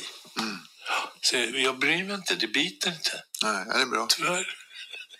Alltså jag litar på honom. Det här, det här swishar helt förbi honom. Han, har, han är klar med att ha fel. Ja, men han, är för har gammal. bara inte fel längre. Ja. Han, det slutade han med någonstans efter 50. Då, då slutar han ha fel helt enkelt. Och Men det väl bra. Ändra åsikt och sådär. Nu vet han hur världen är beskaffad. Det är klart. Han har, han har svaren. Det blir ju lite småvulgärt ibland. Det var en eh, feminist som twittrade. Jag tror problemet med Ulf Brunnberg, Per Ström och likasinnade bara är att de har fått för lite kuk. Jaha. Ja, Vad säger man om det? det är väl någon porr, porrkonsument då. Jag vet inte. Och så fnissar de, gubben. Det går helt förbi. De fattar inte skämtet. Nej. Gullisar. Ja. Eh, Där, vad sa du? ja, idioter. Jo, men vet ni vad det bästa? Vi ska komma ihåg även det där. Nu, vad var det första vi skulle komma ihåg? Det var... Vad var det jag sa? Jag kommer inte ens ihåg att du, kom, att du har sagt att vi ska komma ihåg någonting. Men det var någonting. Jag skiter samma. Vi kommer, jag kommer nog komma på det när vi hör det sen. Men vi, okej, vi kör. Det, det, är bara, det är så dumt så att det, det finns inte på kartan. Så enkelt säger jag. Och, och jag, jag sitter ju här med dig nu och jag vet vad du gick ut med. Vilket jag tycker var bra. Du var den enda som opponerade dig emot den här vulgära feminismen i början, vad jag kommer ihåg. Jag kommer inte ihåg exakt vad du sa, men jag förstod att det var ut, otroligt utsatt. Och, och du vet ju själv att det blir ju... Eh, för min del är det en form av yrkesförbud. Och för din del, jag, din del, jag vet inte, men jag kan tänka mig att du har haft samma problem som vad jag själv har haft de sista fem, sex åren, fast jag har befunnit mig i... Min åsikt har ju funnits ända sedan i slutet på 60-talet. Jag är i rena rama chocken. Har du haft samma åsikt sedan i slutet av 60-talet? Va? Det, det känns lite konstigt ändå. Ja. Hur, hur gammal var han då? Liksom? 25 eller? Han är 70 någonting, så ja. Ja. Slutet av 60, men då var han ju inte... då- Ja, ja då var han ju 20. ja. ja. Hallå? Du har uttalat dig om det här med brandmän, ett annat Just. yrke då med väldigt Just det, brandkvinnan som ville eh, Just det, rulla slang. Mm. krav på fysisk styrka. Du har sagt, det ska vara kvinnliga brandsoldater numera. De orkar ju för fan inte ens dra brandslangen. Att gå in i en brasa med en kvinna är liksom inte samma sak som att göra det med en kar. Kan du utveckla det? Ja, om jag fick välja om jag låg i en brasa där jag var på väg att försvinna från, från jordens yta och jag fick välja mellan en kvinna och man så är det självklart att jag väljer att mannen försöker ta hand om mig snarare än kvinnan. Därför det är genetiskt också på det viset att kvinnan är, är inte fysiskt lika stark, lika stor som en man är till exempel. Plus att jag tror att eh, jag skulle ju föredra att det kom in en, en bodybuilder och tog hand om mig snarare än en liten, en liten Så flicka. en brandman ska ju kunna bära ut en person som kanske väger 120 kilo Ja. från en brinnande byggnad. Och kanske med gasmask och saker Mm. som hämmar. Det, det kräver ju väldigt mycket muskler och då Ja, kan och man till att inte... börja med kanske inte skrika så fort man ser en råtta på Alltså! alltså jag, jag kan inte säga någonting om kvinnosynen för det här är två väldigt gamla gubbar så det är liksom, Nej, fan vad bra. de kommer bara dö snart. Men nej, det är... Det är så otroligt gulligt det här. Det är också väldigt konstigt att de liksom måste ta det här hyperspecifika exemplet. Ja. Så, ja, men du ligger och håller på att dö. Vem vill du helst ska komma och rädda dig? En kille eller en tjej? Vet du vem jag helst skulle vilja komma och rädda mig? En brandmansjävel. Ja? Och det kommer nog vara de som kommer också. göra det här. Ja. Och den som klarar av att bära ut mig. Det är inte svårare än så. Nej, precis. Alltså, jag gissar att och liksom, eh, de, har ju, de har ju antagningskrav för att bli brandman. Ja. Och de tränar ju hela tiden. Det enda de gör när de inte är på utryckning är att Är träna. att träna. Ja. Mm. På all deras jävla utrustning de har i brandbilarna, upp och ner för stegar, bära dockor fram och tillbaka. Jag tror att de löser det det är inget problem. Nej, jag har inte hört Nej. en enda kvinnlig brandman som inte har löst sin uppgift. Men det, det alltså, eller så här, jag tror ju så det är klart att brandmän eh, eh, varje år inte klarar av att lösa alla uppgifter på olika sätt av olika skäl. Men jag har inte hört att det specifikt skulle vara så här att det fanns bara en kvinnlig brandman och nu vägde den här killen 20 kilo för mycket så fick Så han brann inne. Ja. Tråkigt. Men, Det var ja. för feminismen. Det man skulle vilja fråga någon av de här, om man frågar Ulf Brunberg till exempel så här, men Ulf, nu ligger du här och så håller du på att dö, du är på väg bort. Vem vill du helst ska komma och rädda dig? En kvinnlig brandman eller Per Ström? Ja, men För att också det är liksom, Per Ström är ju värdelös. Men, Ja. men det, är, det är liksom äh, dels att man inte kan se att det kan finnas andra kvaliteter som kan vara bra att ha än bara att vara en bodybuilder som brandman. Ja, det är det bästa. En bodybuilder det är optimala brandmannen uppenbarligen. Eh, men sen att inte heller förstå att intagskraven, eh, du klarar dem och då, då klarar du förmodligen av att göra jobbet också med utbildning efteråt. Liksom. Det är ju därför Mm, intagningskraven är utformade som de är. Eh, och, och har du problem med att det finns kvinnliga brandmän så känns det ju dåligt att kritisera kvinnor för att de skriker när de ser råttor. Och kanske vettigare att kritisera, jag vet inte, intagningskraven till exempel. men, och, Eller att kvinnor överhuvudtaget har fått lämna köket. Ja, det är framförallt har jag också ett problem med. Men också att för fem minuter sedan så ville du inte rulla slang med en kvinna. För det Ja. var ju för dum typ av argumentation. Men nu när det väl blir specifikt en brand. Nej, då, då går det inte. Du kan inte bli räddad av henne. Äh, Ja, ursäkta?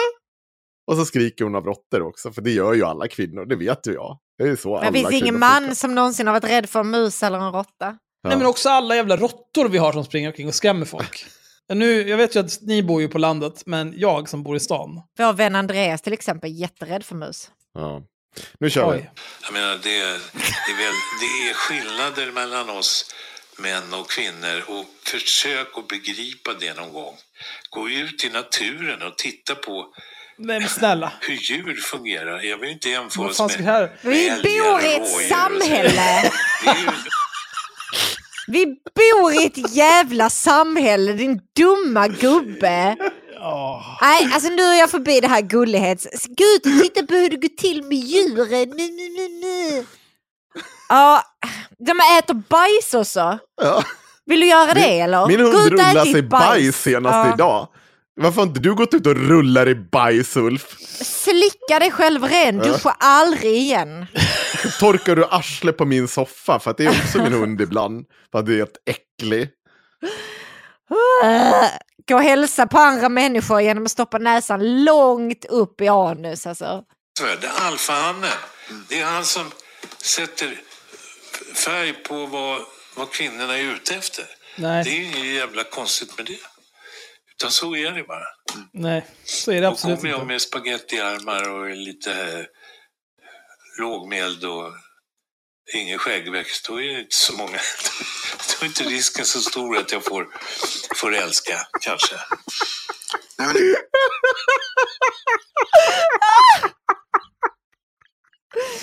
Varför pratar han om Tim för? Hundberg, prata om dig Tim. Han hör inte mig. Jag är så glad, han är så bra.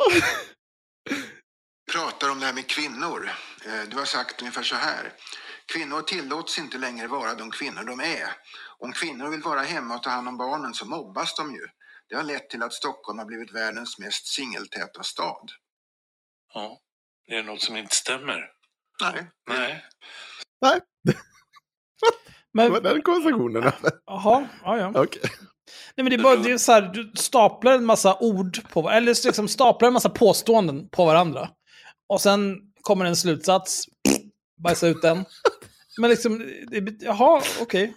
Men vad betyder det här då? Nej, det är så här, du vet, alfa. Jaha, okej. Nej. Ja, men vänta. Ja, kommentar. Ja, det är vad jag tycker. Det är ju så. Det är, det är inte bara Stockholm som är singeltät, det är ju hela Sverige snart. Vad beror det på tror du att kvinnor inte får vara de kvinnor de är? De har ju inte fått vara det kanske. Men vad fan! den Alltså- utsträckning som de har velat tidigare. Eller också är det, är det en gruppmentalitet som skapar det här problemet. Några av mina absolut roligaste människor som jag tycker om att vara med, det är kvinnor. De är lättpratade och de är jävligt förstående. Och de är ömsinta och empatiska och jag gillar det. Mm, då Så ska du få kom inte prata och med säg mig att din jag är jävel. kvinnohatare, för det är jag någon som har sagt det? inte. Nej, men det finns ju eh, människor som inte har en aning om vem jag är som, som utgår Men det, kan du pausa vad... lite? Alltså det, det låter som att kvinnorna i hans närhet gör en hel del obetald emotional. Tror du? Ja, de är så snälla och ömsinta och tar hand om mig. Ja. Okej gubben, klappa Ja. lite på huvudet. Pussa på det också pannan. några av mina närmsta vänner är kvinnor. ja, absolut. Visst, visst är de Det är liksom, äh, nej men, vad fan vad jag tänkte inte säga. Uh, jo, jo, jo, jo. Eh, det var faktiskt en tjej som skulle göra någon typ av undersökning för någonting eh, som frågade i eh, eh, den största tjejgruppen på Facebook om eh, vad, vad de tände på när det kommer till män. Eh, vet ni hur många som svarade alfa i den tråden? Nej, Noll! Nej okej. Noll svar alfa. De flesta tände på ögon. Sen var det humor, intelligens, armar, händer, sådana grejer. Eh, men, eh, men ögon, humor och intelligens var högt. Jag vet inte riktigt hur mycket det klingar med hans bild av vad en alfahanne är som bara Ja, dänger upp kuken på bordet och får alla flickorna på fall. Jag vet inte. Men, eh, Det där med, ni känner ju säkert till det här, jag hoppas alla känner till det här, men det där med alfahanar, det stämmer inte. Alltså det är inte en grej. Det var experiment som gjordes på typ vargar i fångenskap. Mm. Och sen samma person som gjorde den studien eh, gjorde en studie sen där han kom fram till att nej, det stämmer inte ens i fångenskap, så att det är bara skit. Eh, plus att nu, det, det nya heter ju Sigma.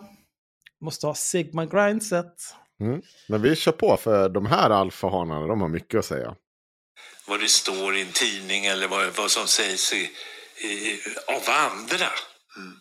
Men inte av mig själv som, som tycker att jag är... Jag har ju blivit kallad kvinnohatare många gånger. Ja, men det begriper jag inte. media och av kända personer. Ja, du, du, du vet jag om Jag någon. hatar inte en enda kvinna. Nu sitter jag med din underbara fru så att jag menar, det är inget problem. oj, är han en form av kackad här? det där, en form av härskarteknik. Ja, det är det. Dig och mig och, och liknande personer för kvinnohatare när vi säger någonting. Det är ren härskarteknik. Ja, visst fan är det, men Och så låt dem göra det. Vad säger du om det här begreppet manlig härskarteknik som feminister använder? Göra det till manligt att ägna sig åt härskarteknik. Ja, men det talar ju också mot dem själva. Hallå, kan vi Det pausa lite här? Ja. Jag har aldrig hört någon säga manlig Inte jag heller. Inte jag heller.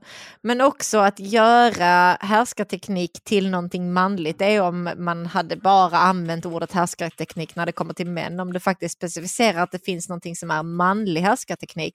Då implyar du, då implyar du att det också finns kvinnlig härskarteknik. Eller att det skiljer sig på något sätt från den vanliga härskartekniken som inte har något prefix. Eh, Så att jag vet inte riktigt vad han snackar om här. Big true. Mm. De verkar vilja få det till att härskartekniker det är något som bara män anklagas för att använda, bara mot kvinnor och det ser synd om dem. Och det är också så här, jag, vet inte, jag tror inte att de här två hatar kvinnor heller, jag tror att de bara är för gamla. Ja, ja, de tillhör en helt annan generation. Det, alltså det, det finns inte någonting att... Det, men, ja, alltså, i, inte ens att de är för gamla, utan de, ja, generationsgrejen är nog större. De, de umgås inte med någon som är liksom, yngre än tio Nej, år. vi får bara yngre vänta än- på att de dör ut. Alltså det är ju så det är. Om de här hade några, om de här umgicks med eh, män eller kvinnor som var kanske liksom eh, 30-40 år gamla, Mm. då tror jag inte det här skulle vara ett problem. Men de umgås bara med andra människor som är liksom 70. Och de har bara gröt i huvudet. Det är ju en del av dem själva. Ja. Vad fan, kvinnlig härskarteknik, vad är det då? De låtsas ju att den inte finns. Jag har ju stött på väldigt mycket kvinnlig härskarteknik personligen. Ja, det har jag också. Mm. Exfruarna problem. säkert. Det, det, jag tycker att det är en pseudo, pseudo-debatt när det gäller kvinnor och män. Jag, jag förstår inte var problemet kommer ifrån. Men det är ett skapat problem. Det skapar problem. Och, är fullkomligt onödigt. Ja. Könskrig. Feministerna har ju startat ett ensidigt könskrig mot oss män och det är inget krig tillbaka. Ja, Men jag tror att de har väldigt dåligt själva i Det är botten. Det är det jag tror. Att de inte blir bekräftade av män som de skulle vilja. Va, vad Åh, hade de inte fått för... Va? De hade de fått för fått för lite... lite kuk. Ja, det var... Det, det är helt otroligt att det där bara swishar förbi. Alltså, alla vet att man blir bara feminist om du någon gång blir nekad av någon du vill knulla. Så är det. Mm. Det är Eller också samma anledning. Ja, men det är också samma anledning till att kvinnor är lesbiska och sånt. Det är för att den här Mm. killen du egentligen ville knulla med, han sa nej och då blev du sur. Mm. För att det är ditt kvinnliga psyke som är så pass svagt att du kan inte hantera avfärdelse. Avfärdelse? Av eh, rejection. Ja, rejection. Och det här könskriget, det, det är helt... Det är, kvin, det är feministerna som har startat Som det. bedriver det, absolut. Ja, det är bedriver det. knappt Det finns- några kvinnor som eh, förtrycks eller mördas eller stympas Nej. eller eh, våldtas och sånt. Det, det händer ju inte. Men däremot så finns det feminister som säger elaka saker om gamla gubbarna. Mm. Jättesynd. Åh, pluppe. Det finns ju en annan tendens i samhället. Jag menar, när jag var grabb, då, homosexualitet det var ju, det var ju lag på, det var ju förbjudet. Idag är det nästan så att Ja, nu får man knulla man djur också. om man är heterosexuell. Och det är också en sån där trendgrej. Det är ju sjukt. Ja, sjukt. Så tolerans är väl en sak, men och, och att det ska vara dåligt att vara vit heterosexuell man, vilket det har blivit nu. Ja, det är inte bra. Det är ju sjukt. Ja, det är, det är inte bra. Så. Har du förtroende för de politiker som leder landet? Ja, vilken Nej, konstig tyvärr segway bara. Shit, vilket hopp. Jag tror att det är merparten av Sveriges befolkning som snart tappar förtroendet för allt vad politiker heter. Därför att det är just nu val i september och då eh, lyser ju fläsket igenom och det tror de inte att man märker. Och jag vet inte vad de tror om folks intellekt men det är ju inga dumma människor som lyssnar på debatten. Det är klart, man kan titta på opinionssiffrorna och då undrar man, är vi dumma eller inte? Men eh, jag tror att folk börjar eh, se igenom eh, de här flosklerna och valfläsket och den verbala gröten som får ur munnen på folk. Mm. Det förvånar mig ändå att opinionen står ju ganska stilla år efter år efter år. Ja, det förvånar mig också. Det bådar ju lite illa. Ja, ja. Men man undrar ju när bubblan ska spricka. Precis som i finans och fastighetsbranschen. Mm. Men den där bubblan verkar vara svårknäckt. Ja. När jag gick i eh, skolan Vänta, nu kommer han också till varför det är så här med politikerna. pluggade så väldigt många av dem som jag hade i min närhet är idag politiker som var mobbade. Jaha. De var väldigt mobbade och eh, jag har några exempel jag kan nämna men jag vill inte göra det här. Som jag har varit nära bekant med sedan eh, tidigt tonår. Och som idag är både ministrar och det ena med det andra. Men Och som var mobbade. skojar du? Det var de värsta. Och, och de gapade mest senare och, och lärde sig manipulera och dupera. Men vänta nu, var de mobbade eller mobbare? Mobbade. Ja, okej. Det är inte klara. Varför, varför har du lärt sig manipulera med mobba det? Och så varför skrek de? Skrek de för att de var... Jag fattar inte. Det här är bara svammel. Tycker du att oppositionen sköter sin roll som opposition? Jag tycker att oppositionen är temperamentslös och inte särskilt blodig av sig överhuvudtaget. Jag tycker att det är lite jämntjockt där också. Men nu har de ju fått en motståndare här som de får brottas med och det är ju Magdalena Andersson. Hon är ju riksdagens enda utbildade människa skulle jag vilja säga. Eh, resten har ju inte en vettig bakgrund för att egentligen sitta i de positioner som de gör. Och- Och det räcker att du går utomlands, jag menar ta staterna. Det, det, det finns inte en som inte är utbildad jurist eller eh, ekonom eh, eller eh, har en utbildning och en bakgrund. Trump då? Du? Trump då?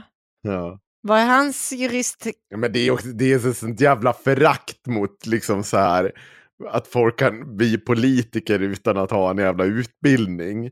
Som Men inte är måste liksom... bara titta på hur, hur det ser ut i USA. Ja. Alltså, de får ju ingenting gjort om de inte har liksom supermajoritet. För att alla sitter bara och vill bli omvalda.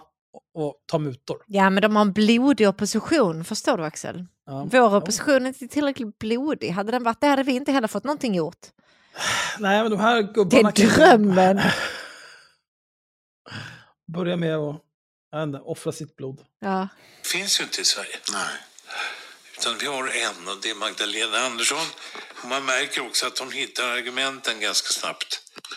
Hur tas det emot i kulturvärlden bland dina arbetskamrater? Ja, där är det som du förstår inte så roligt för mig i alla fall. Utan jag är ju egentligen, eh, som jag ser det, eh, vissa är ju rädda för att arbeta med mig. Därför att jag har åsikter och därför att jag köper inte vad som helst. Och det har ju då med yrkesutövningen att göra, för jag anser mig kunna hantverket idag. Men det är också så att jag har åsikter om vad, vad man har i verktygslådan och inte när man arbetar med det jag arbetar scen, på scen eller på film eller på tv eller vad du vill. Jag kan tillräckligt mycket om det för att kunna tillrättavisa vissa okunniga människor om detta. Och det är inte populärt. Dessutom har Han står där och tillrättavisar alla hur dåliga skådisar de är. Mm. Du kanske skulle ha blivit regissör eller någonting, Ulf Brunberg. Har du tänkt på det? Inte vad han står där på... Ja. jag ju då eh, av hävd från kultursidans sida sett en inställning till samhället som inte går hand i hand med deras egna åsikter. Och då pratar jag om en gigantisk vänstervridning som har varit ända sedan Ja, 60-talet. det där är lite märkligt, att det är en sån kompakt vänstervridning i kultursektorn.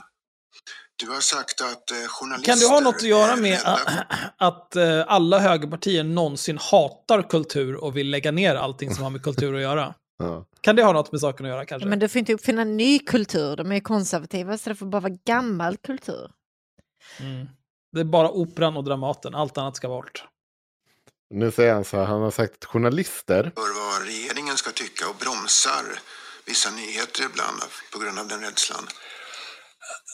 Ja, Det jag säger nu, det är inte belagt vetenskapligt eller eh, Åh fan. på något Alls. vis eh, under, Det, underbyggt med, med eh, definitiva bevis. Men jag tycker mig läsa eller se igenom tendensen att pressstöd, stöd med bidrag, det kan man hota med att dra ner om man drar upp en fråga så att det kan leda till inbördeskris.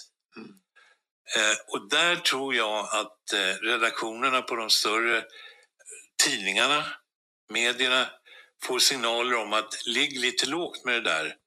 Därför att det, det kan bli eh, oanade konsekvenser om vi driver på den här frågan. Mm.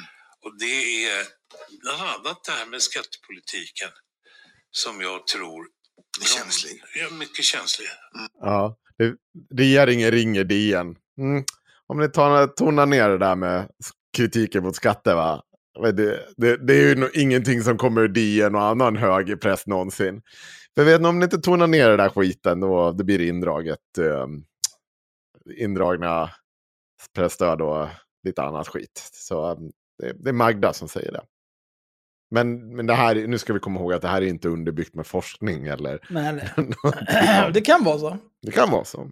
Han, han tycker sig skönja det i alla fall. För det, det finns det någon, jag vet inte någon, i min närvaro, i mitt umgänge som inte tycker att skatterna är sanslösa i Sverige. Och då pratar jag inte bara om marginalskatterna, jag pratar om punktskatter, jag pratar, det är skatt på allt. Det är skatt på skatt också. Skatt på skatt, det är kriminellt. Ja. Oj. Eh, kriminellt. Vad tycker du om svensk migrationspolitik? Men innan vi går vidare från det här med skatten. Eh, Ulf Brunnberg har ju, har ju försörjt sig som, som skådespelare hela sitt vuxna liv.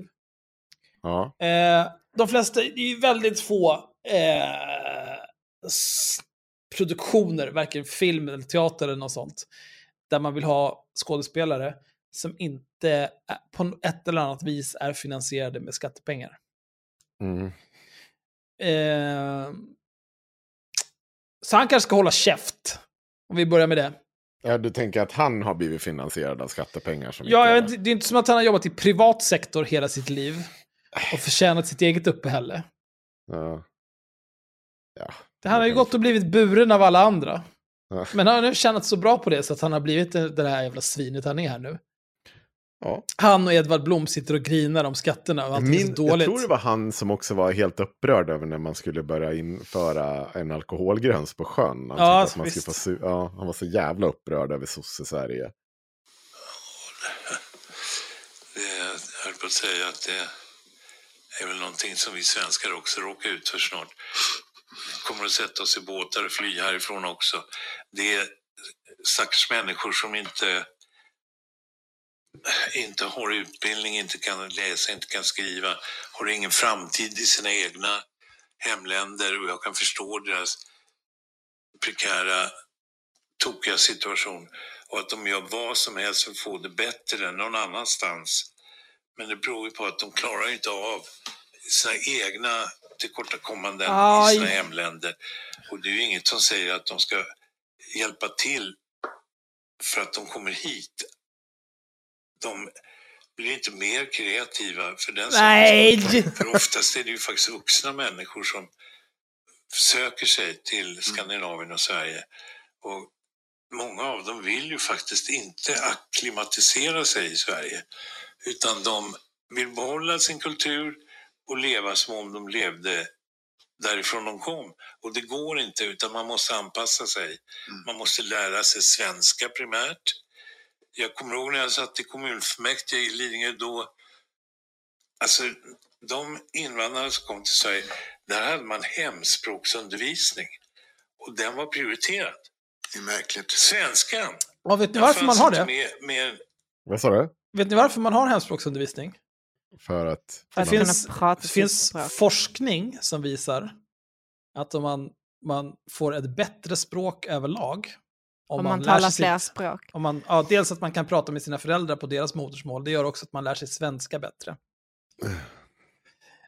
Men det är klart, vi har ju två eh, gubbkukar här som hatar bögar, hatar kvinnor och hatar svartingar. De kan Ja, säkert berätta mer här. Det här med hemspråk också, att hemspråk skulle vara prioriterat. Som en som läst hemspråk under sin uppväxt så är det här total jävla bullshit. Ja. Hemspråk var fan aldrig prioriterat. Jag fick alltid stanna kvar efter skolan för att läsa och det kom liksom någon lärare som knappt var utbildad lärare och skulle... Inte prioriterat. Här ska vi se. Nu tog jag fram det här bara för att jag är en vinnare. Det här är från Lärarförbundet. Jag vet inte. eh, De kanske inte har samma information som Ulf Brunnberg har. Senast uppdaterat den 19 februari 2021, för ett år sedan nästan. Forskning visar att det går bättre att lära sig ett nytt språk om man har goda kunskaper i sitt modersmål. Det stärker också identiteten och bidrar till högre betyg i skolans andra ämnen. Modersmålsämnets ställning är inte så stark som den borde vara i svensk skola. Så. efter hemspråksundervisningen. Det första de skulle ha gått in för det vore ju att lära sig svenska. Det är ju För självklart. annars kan man inte anpassa sig Nej. till, inte det här samhället i alla fall. Nej. Inte något annat heller skulle jag tro. Nej. Mm. Och vad integration beträffar så är det ett gigantiskt problem. Och befolkningen har ju ökat med 2-2,5 miljoner människor på jättekort tid. Mm. Eh, jättekort tid, jag kollade upp det här. Sen 1970 har vi ökat med 2,5 miljon. Vad var det jag tänkte säga också? Det här med att han säger att ja, men så vill de fortsätta ha sin egen kultur. Ja, men det är klart de vill. Och varför skulle man vilja bli av med sin egen kultur? Jag förstår inte. Sen att man svenskifieras eller att vissa saker som man inte tycker är så kul tas bort och man kanske lägger till andra delar man tycker om och så vidare. Absolut. Men bara för att man flyttar till ett annat land behöver du liksom inte bryta upp alla dina traditioner och din kultur och ditt språk och whatever. Det är inte så det fungerar överhuvudtaget. Det är inte så att du flyttar hit och sen sekunden efter så måste du fira jul, dricka snaps och äta surströmming. Liksom. Nej, dra åt helvete. Absolut inte. Det, det ska också tilläggas att befolkningsökningen i Sverige har varit ungefär konstant sen, jag skulle med den här grafen säga, sen 1800, mellan 1850 och 1900. Och vad kan det vara som har gjort att det har blivit så många fler då? Eh, jag har tagit upp en annan sak här. Alltså dels, eh, Mellan 1970 och 2020 ökade medellivslängden vid fö- födseln från drygt 77 år till drygt 84 år för kvinnor och från drygt Mm. 72 år till knappt 81 år för män. Så folk lever i snitt, ja, för kvinnor, 7 år längre och män 9 år längre. Mm. Det gör att vi blir fler människor. Sen hade vi också en psykotisk arbetskraftsinvandring 60, 70, 80-talet. Eh, med greker, folk från Jugoslavien, turkar. Det är ju de som är gammelrasisterna nu. Som Mm. tycker att så här, ja men vi kan ha, men in de här jävla, de här andra nya svartskallarna, de kan fan dra åt helvete. För jag är svensk på riktigt. Vi gamla svartskallar är okej. men Ja, vi som var först här. Och även finnar. På den tiden, då var det inte så jävla poppis att vara finne heller i det här landet. Nej, det var de det var också inte, kan jävla svartskallar. Men också betedde vi oss extremt dåligt. Jag har många historier från min familj och bekanta där finnar är... betydde- Nej, nej, nej, nej. Det är finnarna. Alltså jävlar Herregud, vilka dåliga människor mot arbetskraft. Nej, men jag, ursäkta, jag är själv här på grund av arbetskraftsinvandring men, men från det är ju så Finland. det blir. Alltså, men det är ju vilka som- svin alltså. Men ja, Men jag tänker mig att svenskarna som utvandrade till USA, de var nog också riktiga jävla svin. För det är liksom inte, det är inte de mest lyckade människorna, de som har ett tipptopp i sina hemländer. Det är inte de som arbetskraftsinvandrar till ett annat land. Utan det är Nej. folk som har det skit och som tänker, okej, men här har jag bättre möjligheter baserat på de förutsättningar jag har. Alltså jag har Eh. flera historier folk som låste in sina barn och drog på Finlandsfärjan eller Tysklandsfärjan och söp en hel helg och så var barnen inlåsta. kommer de hem, hela rummet är helt nerpissat och nerbajsat. Och så, I och för sig nu inser jag, det här kanske bara är Trelleborgsfinnarna. De som tog dig allra längst bort från Finland, Ja. landvägen. det kan nog vara Trelleborgsfinnarna Alltså- jag pratar om faktiskt. Det jag har hört om till exempel finnar som kom hit som arbetskraftsinvandrare, det är att eh, det var en extrem rasism. Det var slagsmål hela tiden. Eh, och man får väl anta att det var samma sak för jugoslaver och greker och alla andra som kom från kontinenten när det begav sig. Men det enda som har hänt är ju liksom att världen har blivit mindre. Så Ja. nu är inte de här, de är inte svartskallar längre och de ska inte ut. Utan de är som oss nu. Men nu är det liksom alla som kommer utanför Europa. Nu kan de dra åt helvete.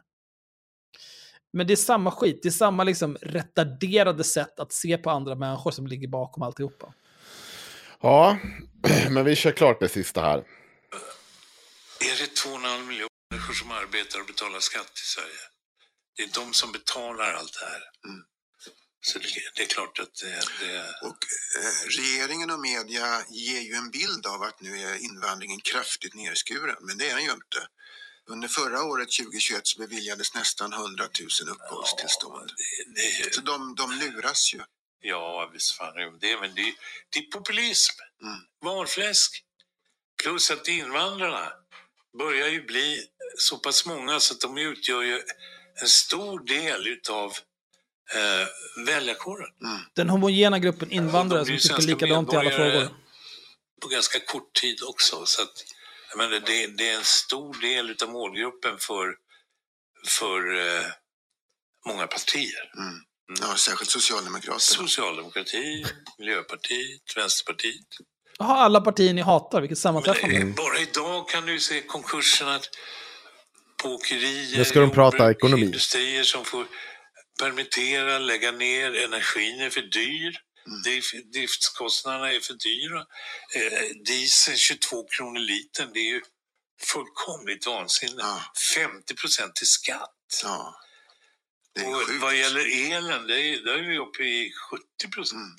Och jag slår vad om att många människor inte vet om det här. Nej. De tror... Jag kollade, det är, det är 41 procent i skatt på, på eh, dieseln tror jag det var. Men också så intressant, det har ju inte ökat i skatten. Eh, även om jag håller med nu om att det är sinnessjukt dyrt med eh, dieseln. Det, det, jag, jag kan inte liksom annat än att hålla med. Och, och man kanske skulle kunna göra vissa skattesubventioneringar när den är så här hög. Jag vet inte, men, det, men sluta låtsas som att det är skatten här som har dragit iväg. Det är dieselpriset. Och den här Ja, uppblandningen ju så, alltså... mot mer miljövänligt. Ja. Mm. Alltså det funkar ju så, det är ju så procent funkar liksom. Ja. Att, Ja, jag vet inte, jag, ni har ju gått ut grundskolan så jag hoppas att våra lyssnare också vet hur procent funkar. Men liksom, Det betyder Nej, men det- hundradel. bra. Bra. Ja, så mycket kostar det. De tror att elen kostar så här. Ja, precis. Men om de drar bort 50 procent så då är det vad det kostar. Ja, Men det är ändå för dyrt. ja. Och därför tycker man ju att eh, om regeringen kunde någonting om marknadsekonomi så borde de ju se konsekvenserna av de här skatterna. Mm. Det stryper ju all marknad ja. och det i sin tur leder ju till att skatteintäkterna också blir mindre eftersom momsen ligger där Mm. och tickar. ja. Du har eh, kritiserat planerna på en nyinspelning av eh, Vi på Saltkråkan som ska utspela sig i, Nej. Kan du utveckla det? Jag vet Hur inte orkar han ska sig? som Tjorven till att börja med. Jag menar, det är, det är en klassiker och eh, den är så pass bra gjord så att den går inte att göra bättre. Lägg ner pengarna istället på eh, förbättra eh, inspelningsbanden eller få den upphottad. Men att göra en ny version utav det, det är fördömt och misslyckats. Man har precis gjort en ny Jönssonliga, det är ju samma problem som vi har haft där. Och nu eh, visar det sig att det var ju inte särskilt lyckat. Nej. Jag har läst någonstans att du har sagt om det här Kan vi pausa lite här? Ja. Han har ju bölat om det där i, på andra ställen också. Ja, Jönssonligan är ju också en remake. Av Ja, något dansk skit. jag vet. Ja. Det var ju det som var när han, det är ju när han står på den här båten och bara... Men vä- jag kommer inte ihåg. Eh, nu har jag missat själva, själva, eller nej jag har inte missat, jag har glömt själva Jönssonliga-dramat. Han var med i Jönssonliga, nej han, Han- var med ja, i det är han som är eh, Vanheden. Nej, han är med i Vanheden. Han är Jönssonligan, Ja. just det, okej. Okej. Ja. Och vad var, det, vad var det som skulle göras om med Saltkråkan som folk tyckte var så jävla hemskt? Eller var det Att man bara skulle göra en remake på De det. gör Aha, en, det var en, en bara ny det. Ja. Men han, Jag trodde ju... typ tjorven skulle vara svart eller någonting. Det, Det var ju- det kommer säkert vara något Ja. sånt. Men det, är liksom, det som är problemet för honom det är att de tar Bara den här att liksom, den görs om. Just det. 60 år gamla Och jävla han tog. Jönssonligan för att han var Vanheden. Nu kommer jag ihåg. Okej, tack. Ja, och han var ju var ju med i Sverige möts och så står han bara liksom när de filmar honom, står han bara och så är han efter relingen på en båt och bara låter gubbstöna. så jävla bra. Och så är han så jävla arg över den här remaken. Så bara hon den andra bara, men Jönssonligan var ju en remake. Ja, ja, det var ju en annan. Ja, men jag har sett videon. Ja, Det är bra. ja vi vill köra. Där. Och nu eh, visar det sig att det var ju inte särskilt lyckat. Nej. Jag har läst någonstans att du har sagt om det här med Vi på Saltkråkan. Det är PK, politiskt korrekt. Ska farbror Melker springa runt med bh och trosor, eller hur tänker de? Ja. Vad är- det värsta Med, med en överdrift så kan ju det där stämma. Lätt överdrift. När du kritiserade det här med nyinspelning av Vi på Saltkråkan så sa Henrik Schyffert, den här så kallade komikern. Mm. Men det är en livrädd man som sitter där på Lidingö, ja, det är du alltså. Mm. Och han är så himla rädd för förändringar och att han inte greppar världen längre och vill då på något slags desperat sätt försöka låsa världen som det var på ett sätt som den inte fanns på riktigt. Slutcitat. Ja, det säger lite grann om honom själv tycker jag. Det slår ju tillbaka på honom. Han kan ju inte må bra som säger så. Så, så mig berör det inte ett dugg. Jag bara tycker att han är... Men han är, han är ju... Eh, han yttrar sig många gånger på ett väldigt... Eh, det verkar som han vill ha uppmärksamhet, rent ut sagt. Eller att han är förbannad på sin farsa som var överste. Han sa något om att han ville bajsknulla Jimmy Åkessons mamma. Ja, ja. Det var ju fint uttryckt. Sa han bajsknulla? Det där, har- var det Henrik Schyffert som hade sagt att han ville göra det? Vem, vem, alltså, Jag vet vem, inte vad som är sant nej men jag bara funderar. eh, Jag har aldrig hört någon så gammal säga något så snuskigt. Förutom typ Betty White. nej, men jag, jag bara Kan, kan du spela tillbaka? Ja, kan kan vi vi bara höra det? honom säga bajsknulla igen? För jag myser in i själen. På sin farsa som var överste. Han sa något om att han ville bajsknulla Jimmy Åkessons mamma. Ja, ja. Det var ju fint uttryckt. Ja, visst är det. Ja, men Nej, men jag bara tänker om, om Henrik Schyffert har sagt att han vill bajsknulla Jimmy Åkessons morsa, då förstår jag inte varför vi inte vi har fler sponsorer. För jag menar, om, om det är okej att Henrik Schyffert håller på sådär, varför inte jag måste gör det? Det här vill jag inte ha min sökhistorik inser jag nu. jag tar ett inkognito-fönster på den här skiten. Vänta, vänta. Ja, men det här med att hans enda clapbacks är liksom att eh, ja, nej men det reflekterar ju tillbaka på honom. Hur, hur reflekterar jag tillbaka på honom? Och då är det alltid så att nej, nej, man har ett underliggande problem eller trauma som gör att man måste se de här elaka sakerna till dig.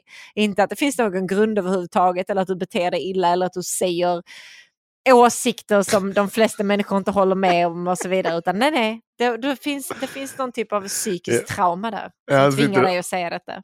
Till exempel att han ska bajsknulla Hen eh, Henrik Åkessons. Hallå? Nej, Jimmy Åkesson. Ja, jag vet, men jag glömde hans namn.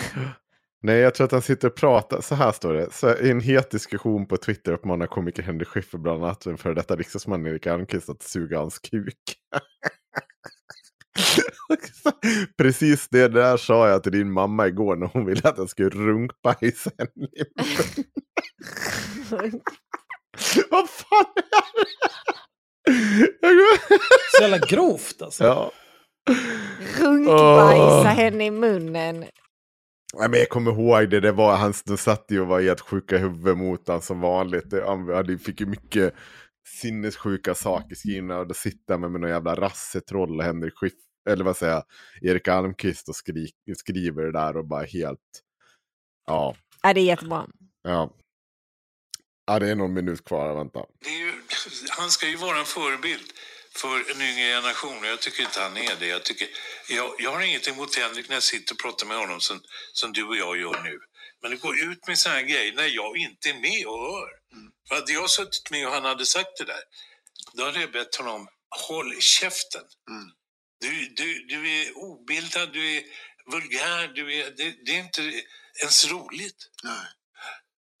Men ju vulgärare man är och ju mer opportun man är, ju roligare tycks de tro att det är.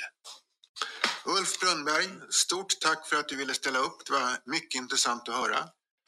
Ja, det får ju var och en avgöra själv. Men eh, det var inget ont menat om jag säger så. Lycka till med ditt fortsatta politiska argumenterande och nu hoppas vi på, på valet i höst. Ja, det får vi verkligen göra i september. Så att inte Sverige, korthuset Sverige faller allt för snart. Eh, gäller att vara försiktig. Det var allt för idag. Alltså jag älskar dem ändå. Aj, man, man kan ju det kan inte låta bli att tycka att det här är väldigt bra alltså.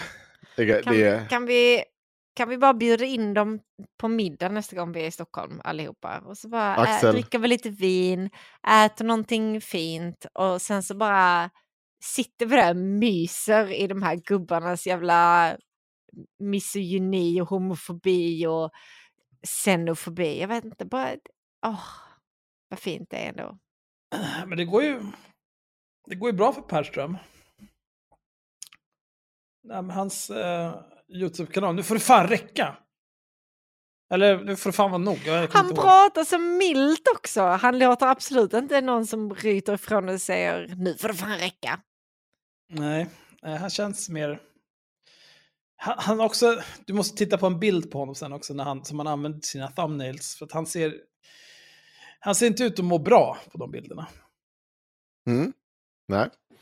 Men bra är de tillsammans. Jag hade önskat att de där bara hade kört en liksom... En roadtrip genom Sverige och bara Ja. grina sig igenom Ja. hela landet. Gått runt och bara... har stått och stönat. Vänta. Ska jag ta fram när han... Vänta, vänta ska ni få höra. Ulf Brunnberg låter. Undrar om det går. Ulf Brunnberg. Eh, låter. Jag skriver låter. Berg. Sverige. Möts. Nej. Nej. Nej, det är väl klart inte det fanns då, men ja. Det var ju synd. Men det, det, det är ett fantastiskt klipp. Jag rekommenderar alla att... Ja, ska vi tacka för oss? Ja, jag känner mig rätt nöjd alltså. Ja, jag med. Här är Aldrig mer spela in. Kom ihåg att bli Patreon. Allt Axel sa tidigare och mer, det är helt fel. Vi andra står inte bakom det här. Vi kommer Nej, vi lägger ner honom. Det här var sista avsnittet. Nej, jag tar som vanligt avstånd från allting som har sagts i det här avsnittet Ja. och ber om ursäkt. Eh, Oj, be om så- ursäkt också. Ja, nej, men idag känner jag för det. Mm. Ja, ja. Ja, tack. ja, bra. Eh, far åt helvete. Fridens.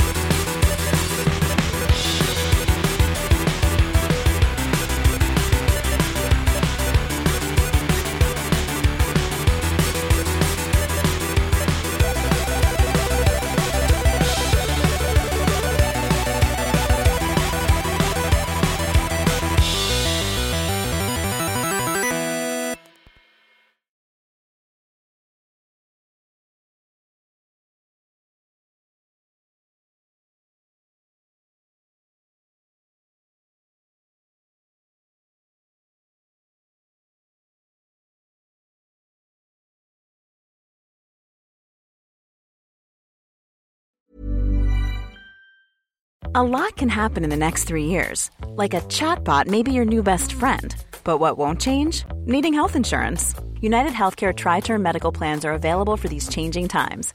Underwritten by Golden Rule Insurance Company, they offer budget friendly, flexible coverage for people who are in between jobs or missed open enrollment. The plans last nearly three years in some states, with access to a nationwide network of doctors and hospitals. So, for whatever tomorrow brings, United Healthcare Tri Term Medical Plans may be for you. Learn more at uh1.com. Planning for your next trip? Elevate your travel style with Quince. Quince has all the jet setting essentials you'll want for your next getaway, like European linen, premium luggage options, buttery soft Italian leather bags, and so much more. And it's all priced at 50 to 80% less than similar brands. Plus, Quince only works with factories that use safe and ethical manufacturing practices. Pack your bags with high-quality essentials you'll be wearing for vacations to come with Quince. Go to quince.com slash trip for free shipping and 365-day returns. Normally, being a little extra can be a bit much, but when it comes to healthcare, it pays to be extra.